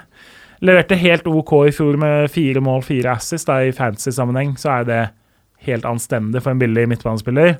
Eh, han har et potensial som gjør at han er i hvert fall på blokka hos meg når de har det kampprogrammet. Han koster så lite. Så blant liksom billigspillerne så bør han være en kandidat for mange lag. For han, og han kommer til å spille alt så lenge han er skadefri også. I fjor så ble han vel knapt noe bytta ut. Han spilte 2300 minutter i fjor av 2700. Ja. Så han er jo på banen i 90 av minuttene, eh, og har da Så det Jeg, jeg tror på en måte eh, Jeg tror jeg kommer til å kjøre både Bjørtuft og Kitolano fra start. Det, det tror jeg er en god mulighet med det kamprammet Oddar. Ja. Vi går eh, videre. La oss ta med oss eh, eh, det som har vært en av snakkisene også den siste uka, er Jan Petter Saltvedt sin NRK-kommentar i retning uh, Bodø-Glimt, Ole Martin. Eh, han, Det kunne virke som han ikke var en toppfotballytter, for han har ikke hørt uh, større del av bakgrunnen til at Bodø-Glimt faktisk dro til Spania. Eller enten det, eller så han velger han å overse det med, med glans. Fordi uh, var det bare meg som, som leste det som en eh, hva, er det du tar opp her nå, Jørgen Kjernas? Nei, nå er det sjokolade på gang. Nå har vi Hva slags eh, Det, var noe eksklusiv eh, variant her? Med, Ja, vet du jeg falt- for kandisert appelsin. Eh, ifølge, ifølge Per Angel Berntsen i TV 2 så er vel det noe Saltvedt spiser òg, for eh, det var jo noen beskyldninger om Oslo vest og greier der på Twitter òg. Så det kandisert appelsin fra Jacobs, det høres ut som CC Vest-slager for min del. Fantastisk. Men nei, men eh, for, å, for å oppsummere veldig kort der, da. Han, han runder vel av den eh, kommentaren sin med at uh, Bodø-Glimt har hissa på seg hele Fotball-Norge. Eh, og det Vi, vi snakka jo litt om det, og, og du satt med en litt annen oppfatning av hvordan liksom snakkisen var blant i toppfotballmiljøet rundt den beslutningen. Ja, jeg, jeg sitter ikke med noe fast idé altså, på hvor stor prosentandel av Fotball-Norge Bodø-Glimt er irritert på seg, men jeg har inntrykk av at det er flere som er irritert på han derre Saltvedt enn eh, på Bodø-Glimt. Um, eh, men jeg, jeg skal også understreke det. Jeg har jo fått med meg at han har skrevet et eller annet og lest litt der, men jeg har ikke orka å gå inn og lese. Så Det har blitt fortalt mye av innholdet i det, så jeg skal ikke være noe sånn bastant. Men, eh, men at, han, at Bodø-Glimt har irritert på seg hele Fotball-Norge, det stemmer ikke. Men at man har irritert på seg deler av Fotball-Norge, det har man jo åpenbart. Men eh, ja, eh, livet går videre snart, eh, tenker jeg. Hvis Bodø-Glimt går videre i Champions League og norsk fotball tjener masse penger på det, så er det vel ingen som klager. Jo, det er mange som klager, da. Det er jo akkurat det de gjør. De klager som pokker, fordi det er jo penger som gjør at Glimt kommer til å dra fra. Og Ja, men det er også bra for norsk fotball. De som klager av, må slutte å syte. Vi, vi trenger at det norske landslaget gjør det bra. Vi trenger så mange klubber som mulig i Europa. yes, det er akkurat det. De eh, trenger jo spillere, de òg. Så drypper det kanskje litt eh, ekstra millioner på, på eh, strømmen hvis de kjøper Lasse Nordås eller hva enn de skal hente. Eh, eh, men det er jo, det er jo vi, vi ser jo det også. Molde henter jo spillere fra, fra norske klubber med, med penger de har tjent i Europa. Det er, ikke, det er ikke feil, det heller. Med mindre man eh, jeg, jeg skjønner at Jeg kan skjønne at Rosenborg ikke heier på at Glimt eh, går videre i Champions League, eller at Molde At du har det rivaleriet der, men med all respekt å melde, når Lillestrøm-fansen er i harnisk over at Molde går videre i Europaligaen eh, De har jo et anstrengt forhold til Molde i utgangspunktet, men, men fordi det er en annen klubb som får penger eh, da tenker jeg at da har man glemt liksom de eh, Uefa-koeffisientpoengene, og du blir liksom blind på, blind på hat, kanskje.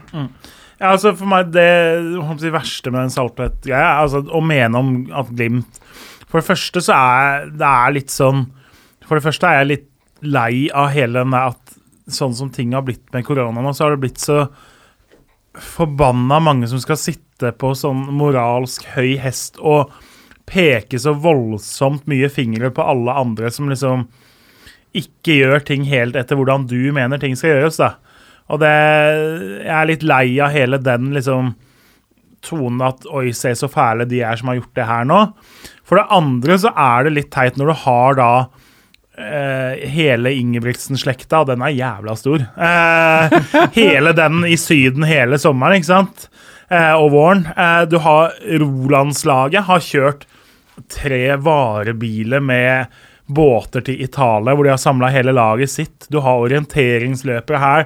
Du har bryterne, som er, blir koronasmitta et eller annet sted i Øst-Europa, eller hvor det var. Ikke sant? Så du har et hundretalls norske utøvere som er rundt om. Og så skal det hakkes på Bodø-Glimt. Og jeg skjønner at de andre klubbene gjør det, fordi også noen av dem hadde jo gjort det hvis de hadde hatt penger til det. Eh, men når du da ser at andre klubber gjør det, så, det, så blir det Du blir misunnelig, eller det er lett å trekke det der moralkortet. da mot de, og jeg, jeg er litt lei av hele den delen av det.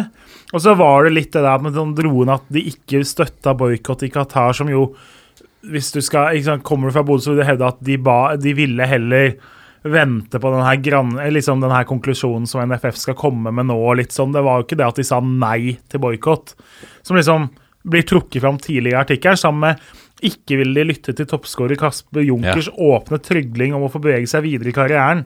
For det første så er det jo feil, for fyren fikk jo faktisk gå. På, tids, på tidspunktet denne ble publisert, så hadde den jo blitt solgt for tre dager siden. Eh, og for det andre så er jo det et helt dust poeng. Liksom, oi, en fyr som har kontrakt i mange år til, fikk ikke gå for bud som er under åpenbar markedsverdi. Skal det brukes mot en fotballklubb, liksom? Altså, uh, hvis det hadde Hvis Fett, mitt lokallag, nå hadde gått og bydd 15 kroner en cola for Lasse Nordås, så kunne man ikke blitt indignert over at Ole Martin eh, svarte nei, på en måte. Det, ikke sant? Altså, og liksom og trekke, I hvert fall ikke når du får den colaen. Den får du kanskje om tre år. ja, du får de sant? 15 Så- ja, kronene med en gang. Og, hvis, og det er hvis Strømmen tar seg til Champions League og vinner finalen med 17 cornere flere enn motstanderen, liksom. Uh, så liksom Det blir hele den sausen der som ble litt sånn Sånn som andre aviskommentatorer som kan irritere på seg lesere, ofte trekker inn. At man trekker inn ting som ikke er helt sant, og som er helt dust. Altså det å, mene, liksom å bruke mot Glimt at Junker ikke fikk trygle seg ut, er jo helt dust. Uh, ja, altså, jeg klarer ikke å si det på en bedre måte enn det. Uh, så liksom når det kommer inn i det her Ja, han har jo, han har jo er- den og egentlige kjernen hans er jo det her med Syden, og det må han gjerne ikke man, man mene om, men når du starter artikkelen med en sånn liksom feilgreie, da, da blir folk negativt innstilt til uansett hva det står lenger ned i artikkelen din. Så, men det er klart, folk har jo eh, Det koker jo litt med på sosiale medier nå i disse tider. Jeg tror altså, folk er møre, og folk har for mye tid hjemme og eh, både med familie og unger og PC og alt. Så det, det, det tar jo mye mer fyr på ting som ikke hadde trengt det. Det er jo ikke som at han har hetsa en hel landsdel, på en måte. Han har sleiva litt og truffet noe og bomma noe, på en måte. Kanskje greit å gjøre litt research da, før du setter deg ned og skriver et, eh, et innlegg og trekker inn masse ting som Ja, nei. Uh, la oss gå videre til uh, til det som så ut til å være en trist sak, nemlig at Christian Gauseth, legenden, Mjøndalen-legenden, skulle gi seg i Mjøndalen, er nå resignert. Er det, eh, en, eh, er det årets sterkeste signering for Mjøndalen, eh, Jørgen Kjernås? Det er jo den årets mest profilsterke signering for Mjøndalen. Det er det jo definitivt. Fordi når vi snakker om at Velde er en eliteserieprofil Gauseth har jo fått mye ut av karrieren sin når det gjelder profilbygging. Det Det kan vi si. er det jo ingen tvil om. Så det er klart, han har jo etter en omflakkende klubbkarriere blitt i Mjøndalen i veldig mange sesonger og fått vært med på oppturene og opprykkene deres. da. Og eh, selv om han på en måte er en løs kanon tidvis utad og på en måte melder mye, eh, og man ikke alltid er sikker på om han mener det 100% eller 92% eller 0% så er han jo liksom, Som kaptein og leder og sånn, så tror jeg han har vært veldig veldig, veldig viktig for det Mjøndalen eh, for den Mjøndalen-garderoben ganske lenge. Eh, nå er jo en spiller som Vegard Hansen jo åpenbart liker, og som han ser på som viktig når det skal kriges. Altså Mjøndalen var jo ikke elegante da de redda plassen i høst. Det, du, skal, du skal være god for å argumentere for det. Men han passer liksom inn i Mjøndalen. Typen og spilleren Christian Gauseth passer i Mjøndalen. Det hadde vært Altså, han, hadde jo, han måtte jo lagt opp hvis han ikke ble værende der. For han, jeg tror ikke han hadde passa noe annet sted. Og liksom med alderen og alt sånn, så er det jo grenser for hvor attraktiv han ville vært for andre òg. Så nei, fint for Mjøndalen. Og eh, fint for Gauseth, og fint for eh, de som liker Eliteseriens profiler, at han fortsetter. Ja, for han hadde jo etterlatt seg et hull. Eh, men, men en annen mann som, som faktisk gir seg, hvis ikke han gjør en uh, helomvending, han òg André Nevestad gir seg som sportssjef. Hva slags mann er som forsvinner ut der, uh, Ole Martin? André har jo bakgrunnen sin fra Hødd, primært. Han har jo vært der lenge. Han, i, I Mjøndalen tror jeg han har vært både daglig leder og sportssjef. Og så skjønte jeg nå på en pressemelding eller et eller annet at uh, nå skal du jo ansette en egen daglig leder og så en egen sportssjef. At det blir to stillinger. Um, André er jo Jeg kjenner ikke han veldig godt personlig heller, men har hatt litt med ham å gjøre. Fremstår veldig hardt arbeidende, veldig nøye. Um, Forholdsvis god oversikt på det norske markedet. Uh, har jo gjort en god jobb der. Det var jo det var jo spenningsmoment når, når Kenneth, uh, Kenneth Carlsen ga seg i, i, i, Mjøndalen. Så er det på en måte han og Vegard som har bygd opp hele det greiene der. Men jeg syns André har gått fint inn og tatt den jobben og bidro til å holde de oppe i Eliteserien. Så det ble jo tøft for Mjøndalen å skulle erstatte det andre året på rad. Mm. Um, det kryr jo ikke av ledige sportssjefer. Og så er det jo, hvis man liksom først skal Hvis man er en tilgjengelig sportssjef akkurat nå, så vil jeg anta at de fleste holder brannjobben som mer attraktiv enn Mjøndalen. Så det er jo ikke sikkert de får lete på øverste hylle der heller. Så det blir spennende å se hva som skjer. Interessant. Tror du at Gaustad ser for seg en, ser for seg en mulig sportssjefjobb på sikt, da, Jørgen? Nei, Det veit jeg ikke, men det, jeg ser jo for meg at han er interessert i Altså, han har jo noe eh, Han har jo erfaring, og er vel Er ikke han inne i noen sånn tribunegreier nå, eller roter jeg veldig? Gauseth? Ja, nå kan hende Kan hende. veldig ute å kjøre, Ja, men det har i hvert fall vært, eh, vært inne i et eller annet, ja. Ja. Eh, så klart, det virker som han er åpen for muligheten til å fortsette å ha en rolle innenfor fotballen når han ikke skal sparke ballen selv også, da. Men eh, nei, det blir spennende å si. Og som, altså, sportssjefer ikke sant? de vokser jo ikke på trær. Det er jo ikke som at det, det er et lager inne i Maridalen hvor det sitter masse sportssjefer bare og venter på at det skal dukke opp en eh, For et bilde du eh, maler klubb. der. Så, så det blir spennende å se hvordan de tenker. Men han har vel noe oppsigelsestid òg, sannsynligvis. Så de har vel noe overgangsperiode der, vil vi tro. Men Ja. ja. Det, er nei, interessant å se. Det, daglig ledere er jo veldig forskjellig. Jeg har jo litt inntrykk av at daglig leder, i hvert fall litt lenger ned enn kanskje litt så Enten så holder du i maks et år, eller så holder du i 15 år, liksom, nesten. At uh, det er de som blir overvelda av jobben og mengden og hvor altoppslukende det er. Uh, og så er det de som bare har det som en livsstil, og som er klubben. Når hovedtreneren eh, i periode Altså Nå bor han jo på stadion, men han hadde jo en seng på stadion hvor han stort sett sov. Eh, og at da André Nevstad på et eller annet tidspunkt gir seg av familiære årsaker. Det er vel eh, rimelig å lukte lunta her at eh, det er ikke en åtte til fire-jobb å være sportssjef i, i Mjøndalen. Det er jobbes det, er jobbes det døgnet rundt.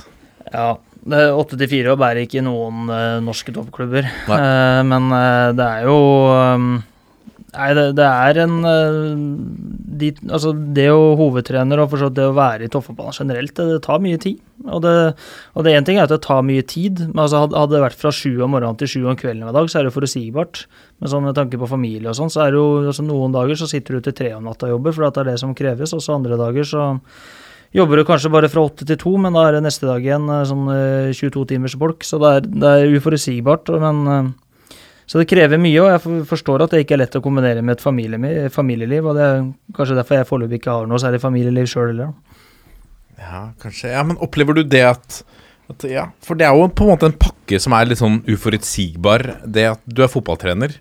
Eh, det kan plutselig være at ja, plutselig så må du flytte til Haugesund, og det er bare sånn livet ditt er, på en måte. Ja, men For meg så er det på en måte forutsigbart, for jeg tok valget for mange år siden at eh, det er det livet jeg ønsker å ha.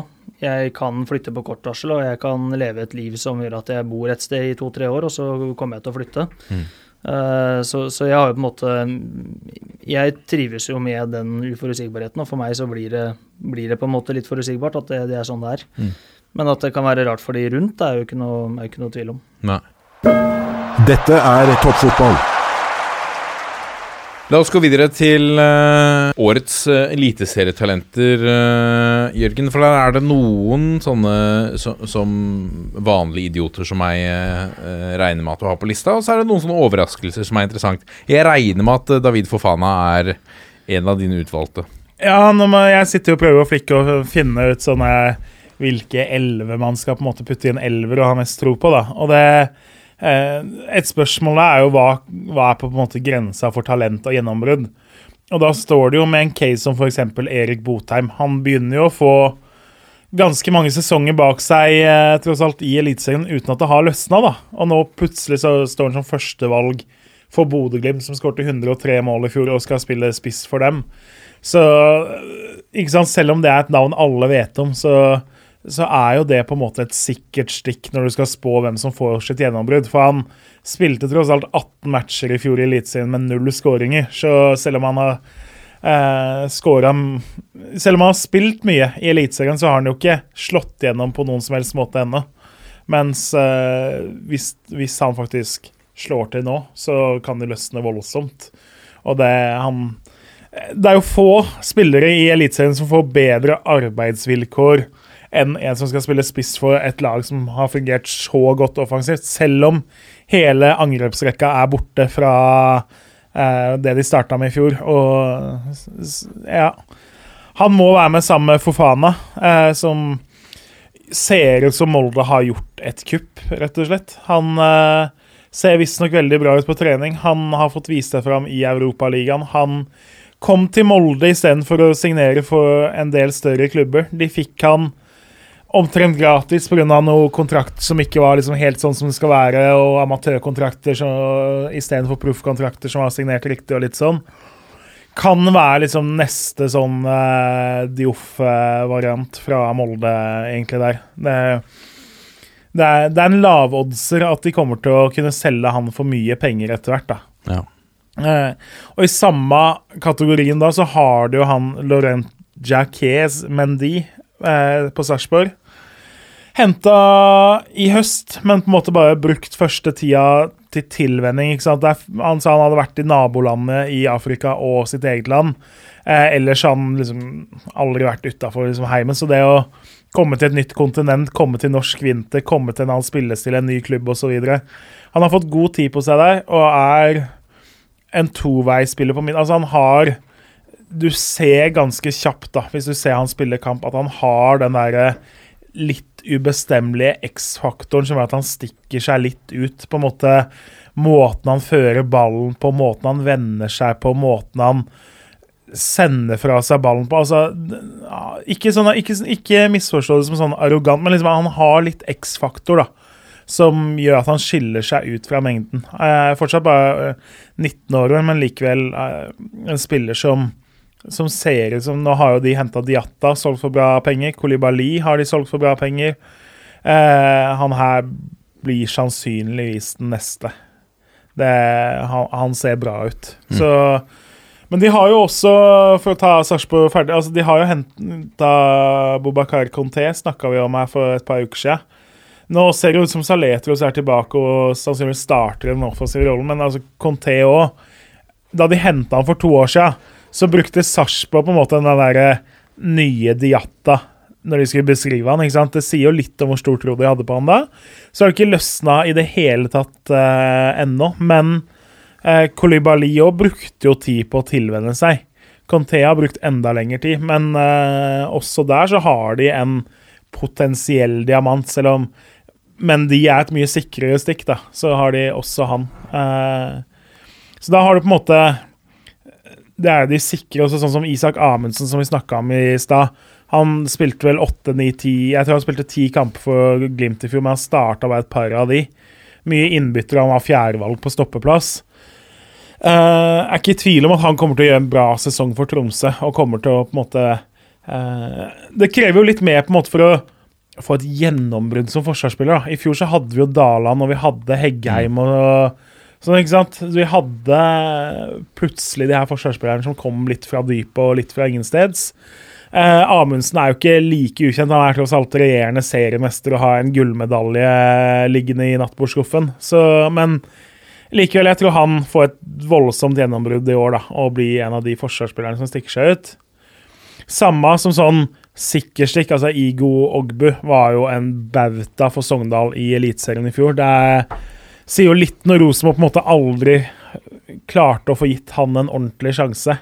Eh, de hadde han i systemet og lånte han ut til Levanger og lånte han ut til Sogndal. ikke sant? Han, han spilte vel en cupkamp mot Tynset eller Alvdal Nei, Ullkisa tror jeg han spilte mot.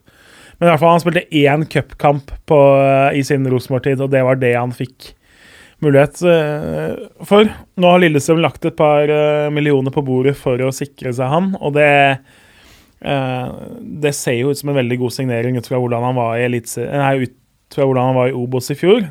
Så er det jo Han skal ett nivå opp. Han skal gå fra å være én av tre stoppere til å være én av to stoppere. Uh, og alt det der. Så det blir jo spennende å se hvordan han takler det. Han skal gå fra et topplag til et lag som ikke kommer til å være topplag i år. Det, så det er liksom Det er jo de usikkerhetsmomentene. Men at Lillestrøm har henta en så god stopper som det er mulig for dem å hente, det er det jo ikke tvil om uh, der, da. Er Spennende. måte er spennende. Uh, og så har du liksom Når du skal vurdere hvem som får gjennombruddet ditt, så må du jo se på en måte hvordan er utsiktene for spilletid, da. Uh, så det Ikke sant, det har jo folk som Si for eksempel da Sebastian Tonetki i Bodø-Glimt. Men som, ikke sant, konkurransen er tøff da. Han fikk ikke mange sjanser, for han må finne seg å være litt bak i køen også i år, da. Og tror du kranglinga i høst kan ha satt han lenger tilbake? i Det har ikke satt han forover i køen, i hvert fall. Det Nei. ville jo være overraskende. Eh, og på, sant, på samme måte så har du jo Elias Hagen i Bodø-Glimt, som jo de henta fra Grorud. Eh, da Patrick Berg ikke kunne spille, så spilte Hagen mot Rosenborg og var kanskje banens beste da Bodø-Glimt vant 5-1. Eh, har gjort det bra i treningskamper nå mens eh, Patrick Berg har vært på landslaget. Men sant, for at han skal slå gjennom, så må jo Patrick Berg enten bli skada eller bli solgt. Så ikke sant, du kan ikke sitte her og si at Elias Hagen får et gjennombrudd, fordi det er så avhengig av at Patrick Berg ikke spiller for Bodø-Glimt. Men hvis Patrick Berg forsvinner til sommeren, så eh, er det en meget lav lavoddser at eh, Elias Hagen blir høstens gjennombrudd. da. Så, så, og sånn er det jo andre steder. altså Hvis du er høyreback, og så har du på en måte to etablerte valg foran deg i køen, så er det veldig lite sjanse for at 2021 blir ditt gjennombrudd. Selv om du kanskje er bedre enn en høyreback i naboklubben, for der er du faktisk andrevalg, da. Eh, og det er jo sånn så ikke sant, det kreves Kristoffer Claesson fikk jo sjansen som keeper, mens veldig mange keepere får jo aldri den sjansen. Så han fikk jo et kjempegjennombrudd i fjor. Vålerenga bestemte seg for å gi Christian Borchgrevink eh, sjansen som høyreback, og han nå fikk jo et kjempegjennombrudd i fjor. Ja, og de bestemte seg for Eh, Claesson, og de sa jo at han skal stå De bestemte seg for at de to skal få spille. Det er ikke sant, to Vålerenga-gutter, det er to kjempetalenter. De må spille. Aminori er kanskje liksom et knøttlite hakk foran Borchgrevink, men Borchgrevink kommer i løpet av en uke eller en måned eller et halvår til å være bedre, og oppsiden om to-tre år er så mye større, så derfor spiller han. Eh, du må enten ha skader, da, eller så må du ha klubber som tar de valgene. Så, og det samme, da. ikke sant? Henrik Heggheim, som vi snakka om i stad. Signerte kontrakt i mai. Var kanskje et femte-sjette valg egentlig på stoppeplass, og så blir én skada, nestemann blir skada, og Sørli Henriksen var syk, som de, Altså, Sebastian Sørli Henriksen var jo regna som et større talent veldig lenge og spilte på landslag, var aktuell for Italia osv. Han eh, ble satt ut av spillet og ble lånt ut til Fram Larvik. Heggheim, som er jevnaldrende og som all, liksom, alltid har vært bak i køen, ble jo en av Eliteseriens største kometer sist sesong. Så det viser jo på en måte hvor tilfeldig ting er, da. Eh, og hvor fort ting kan snu. En fyr som er bak i køen fra du er 6 år til du er 17 år, kan være fem hakk foran når du er 18 år. Det er litt som vi snakket om det kommer jo, Den episoden kommer jo neste uke, men med Julian Kristoffersen, hvor, eh, hvor han eh, kanskje ikke har fått de riktige sjansene, kanskje ikke har hatt eh, den riktige treneren, f.eks. sånn som i, i Djurgården. Men det er en stor, sterk spiller som, som med riktig tillit, med riktig trener, plutselig kan banke mål, og plutselig kanskje ikke er så langt unna landslaget.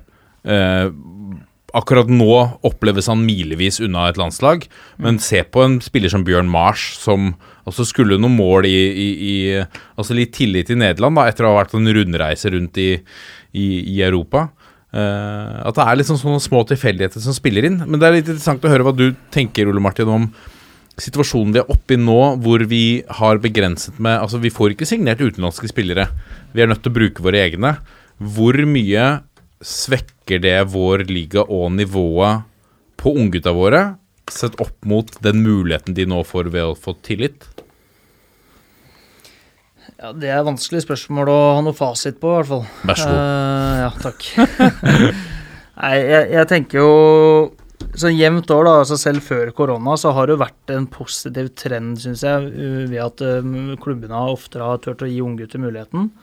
Og så er det jo veldig vanskelig å gi svar på om f.eks. en Heggheim da, som fikk kontrakt i mai i fjor, hadde han fått det hvis ikke Viking forventa tøff kampprogram, eller altså, hvordan hadde det blitt? Men uh, det, det er jo bra for norsk fotball at unggutter får muligheten så lenge de er gode nok. Uh, og det har det vist seg at veldig mange av de blir. Da. Uh, og, og da tenker jeg at det er, det er bra for norsk fotball. Om det gjør at ligaen blir dårligere eller ikke, det blir jo sånn ja, vanskelig å måle òg. men at norsk fotball generelt sett tjener på det, det tror jeg jo absolutt. Det er lite som tyder på nå, ut fra øh, hvordan vi gjør det, altså hvordan landslaget gjør det, i, i den grad, altså, men det er jo en del nylige eliteseriespillere som er der. Eh, hvordan vi gjør det i Europa, med, med flere lag enn en Molde, med Glimt. Altså, det er jo ting som tyder på at vi gjør ting litt ok her oppe, da. Ja, i hvert fall så Det som skjer akkurat nå, er jo mest sannsynlig ikke et produkt av det som blir gjort akkurat nå. Det er produktet av det som har blitt gjort de siste fem, seks, sju, åtte åra. Uh, og så er, det jo viktig at vi som holder på med norsk fotball og er glad i norsk fotball, er flinke til å pushe hverandre. da. Sånn at, det- sånn at det blir, blir enda bedre. For vi er jo eh, vi er fortsatt ikke en, en eh, sterk fotballnasjon i europeisk skala, vil jeg si. Så vi, vi har fortsatt en god jobb å gjøre, men at det har skjedd en positiv endring der, er ikke noen tvil om. Det tror jeg også har det, altså, du, hvis du går tilbake til altså, de åra det var sinnssykt mye penger i norsk fotball, med 2006-2008 der, så var det jo utrolig mange gode juniorspillere som ikke fikk muligheten, for da henta eh, klubbene henta utenlandske spillere i stedet, som skulle inn og spille.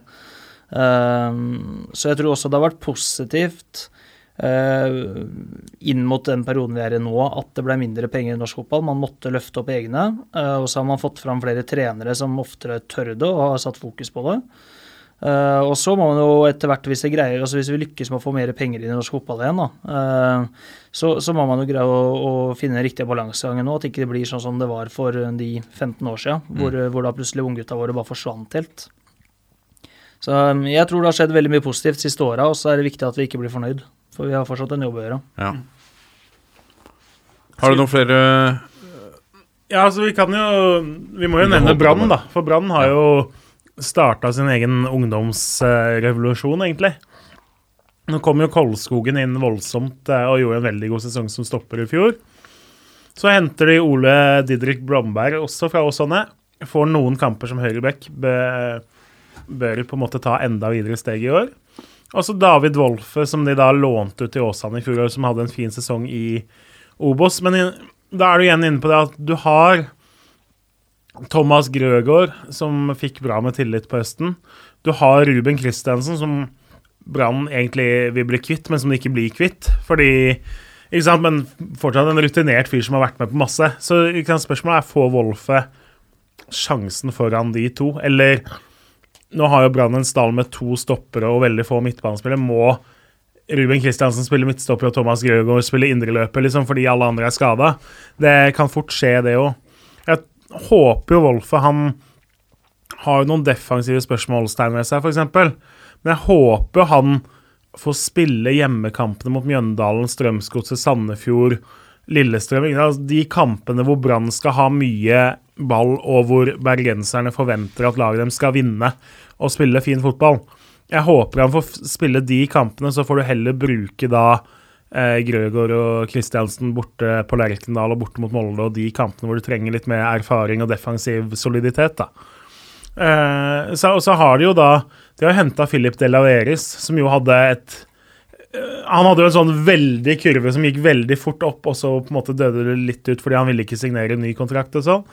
Gikk vel litt for fort til eh, Nederland og på en måte fikk lite tillit, og så kommer han tilbake. Men eh, veldig spennende kantspiller, det er jo gøy at Brann nå har lagt seg på den linja at de henter da Blomberg fra Åsane, og de henter en Delaveris istedenfor å betale fem millioner for en eh, kantspiller her og tre millioner for en høyrebekk der. Og, liksom, Og en Charlie Miller inn, og en Nei, altså Charlie, Hadde de funnet en ny Charlie Miller, så hadde det jo vært dødssynd å ikke hente han. Eh, liksom. Det, det var hvis, hvis det finnes en Charlie Miller-case, så skal jeg bidra med en del av lønna hvis eh, Strømmen vil ha han. Det må jeg innrømme. Ja, såpass? Ja, men da skal du, skal, du, skal, du skal jobbe godt for å finne en case eh, som han, da. Så bør du ha med seg Robbie Winters 2 i tillegg, da. Ja, Høre med Raymond, da. og Sjekke med. Gjerne en Kvisvik inn ved sida òg, men da innser jeg at dette begynner å bli dyrt. Men gøy, da.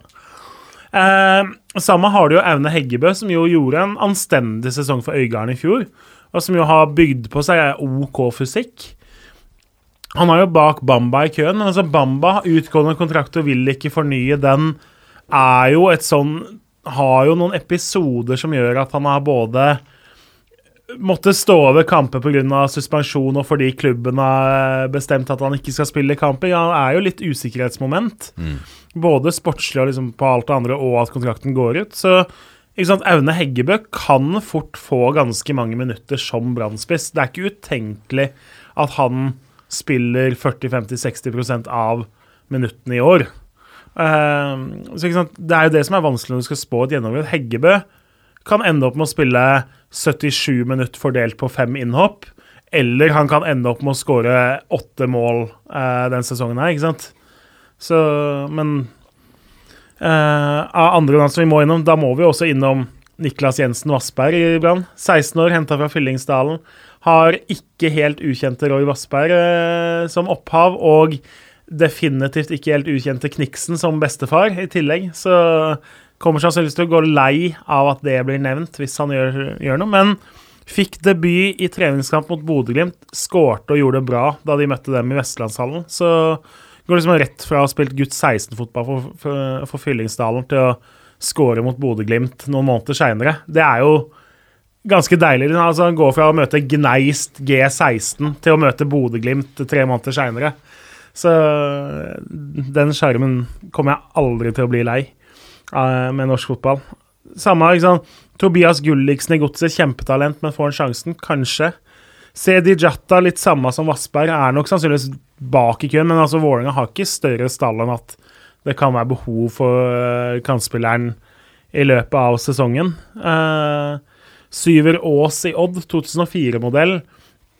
Går du ett eller to år tilbake, så ville han liksom vært nevnt i samme åndedrag eh, som enda større Altså Isak Hansen, Åren, eh, Elias Solberg og så han Andreas Schjelderup, så ville du liksom hatt uh, Syver Aas i samme liksom, gruppa der som de største, mest spennende talentene i en veldig spennende årgang. da. For å oppsummere for de som ikke henger med. Isak Hansen, uh, åren i United.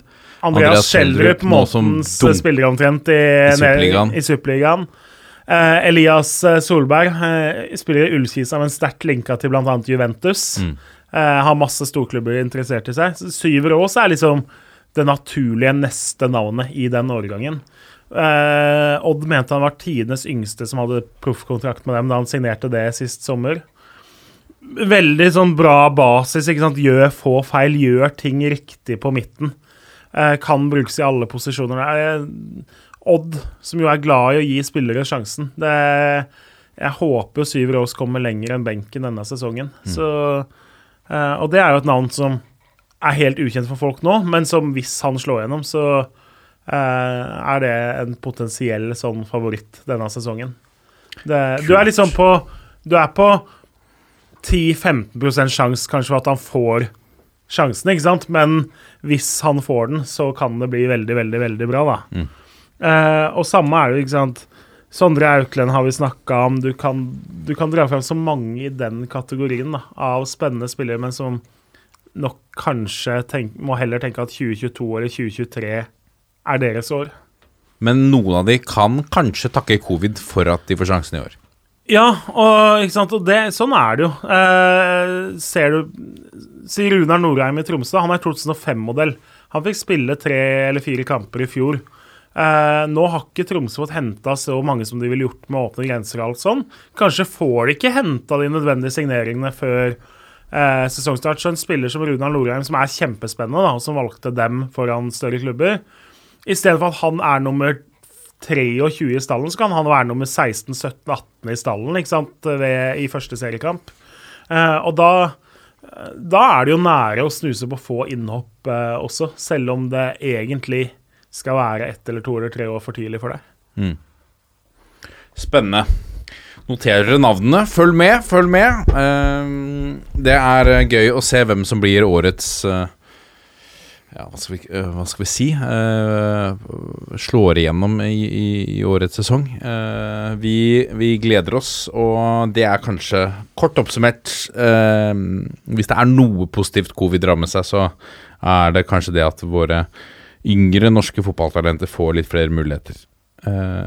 La det være siste ord, da. Eh, vi er plutselig tilbake. Dette har vært en glede, mine herrer. Eh, takk, takk for denne stunden. Likeså. Ja.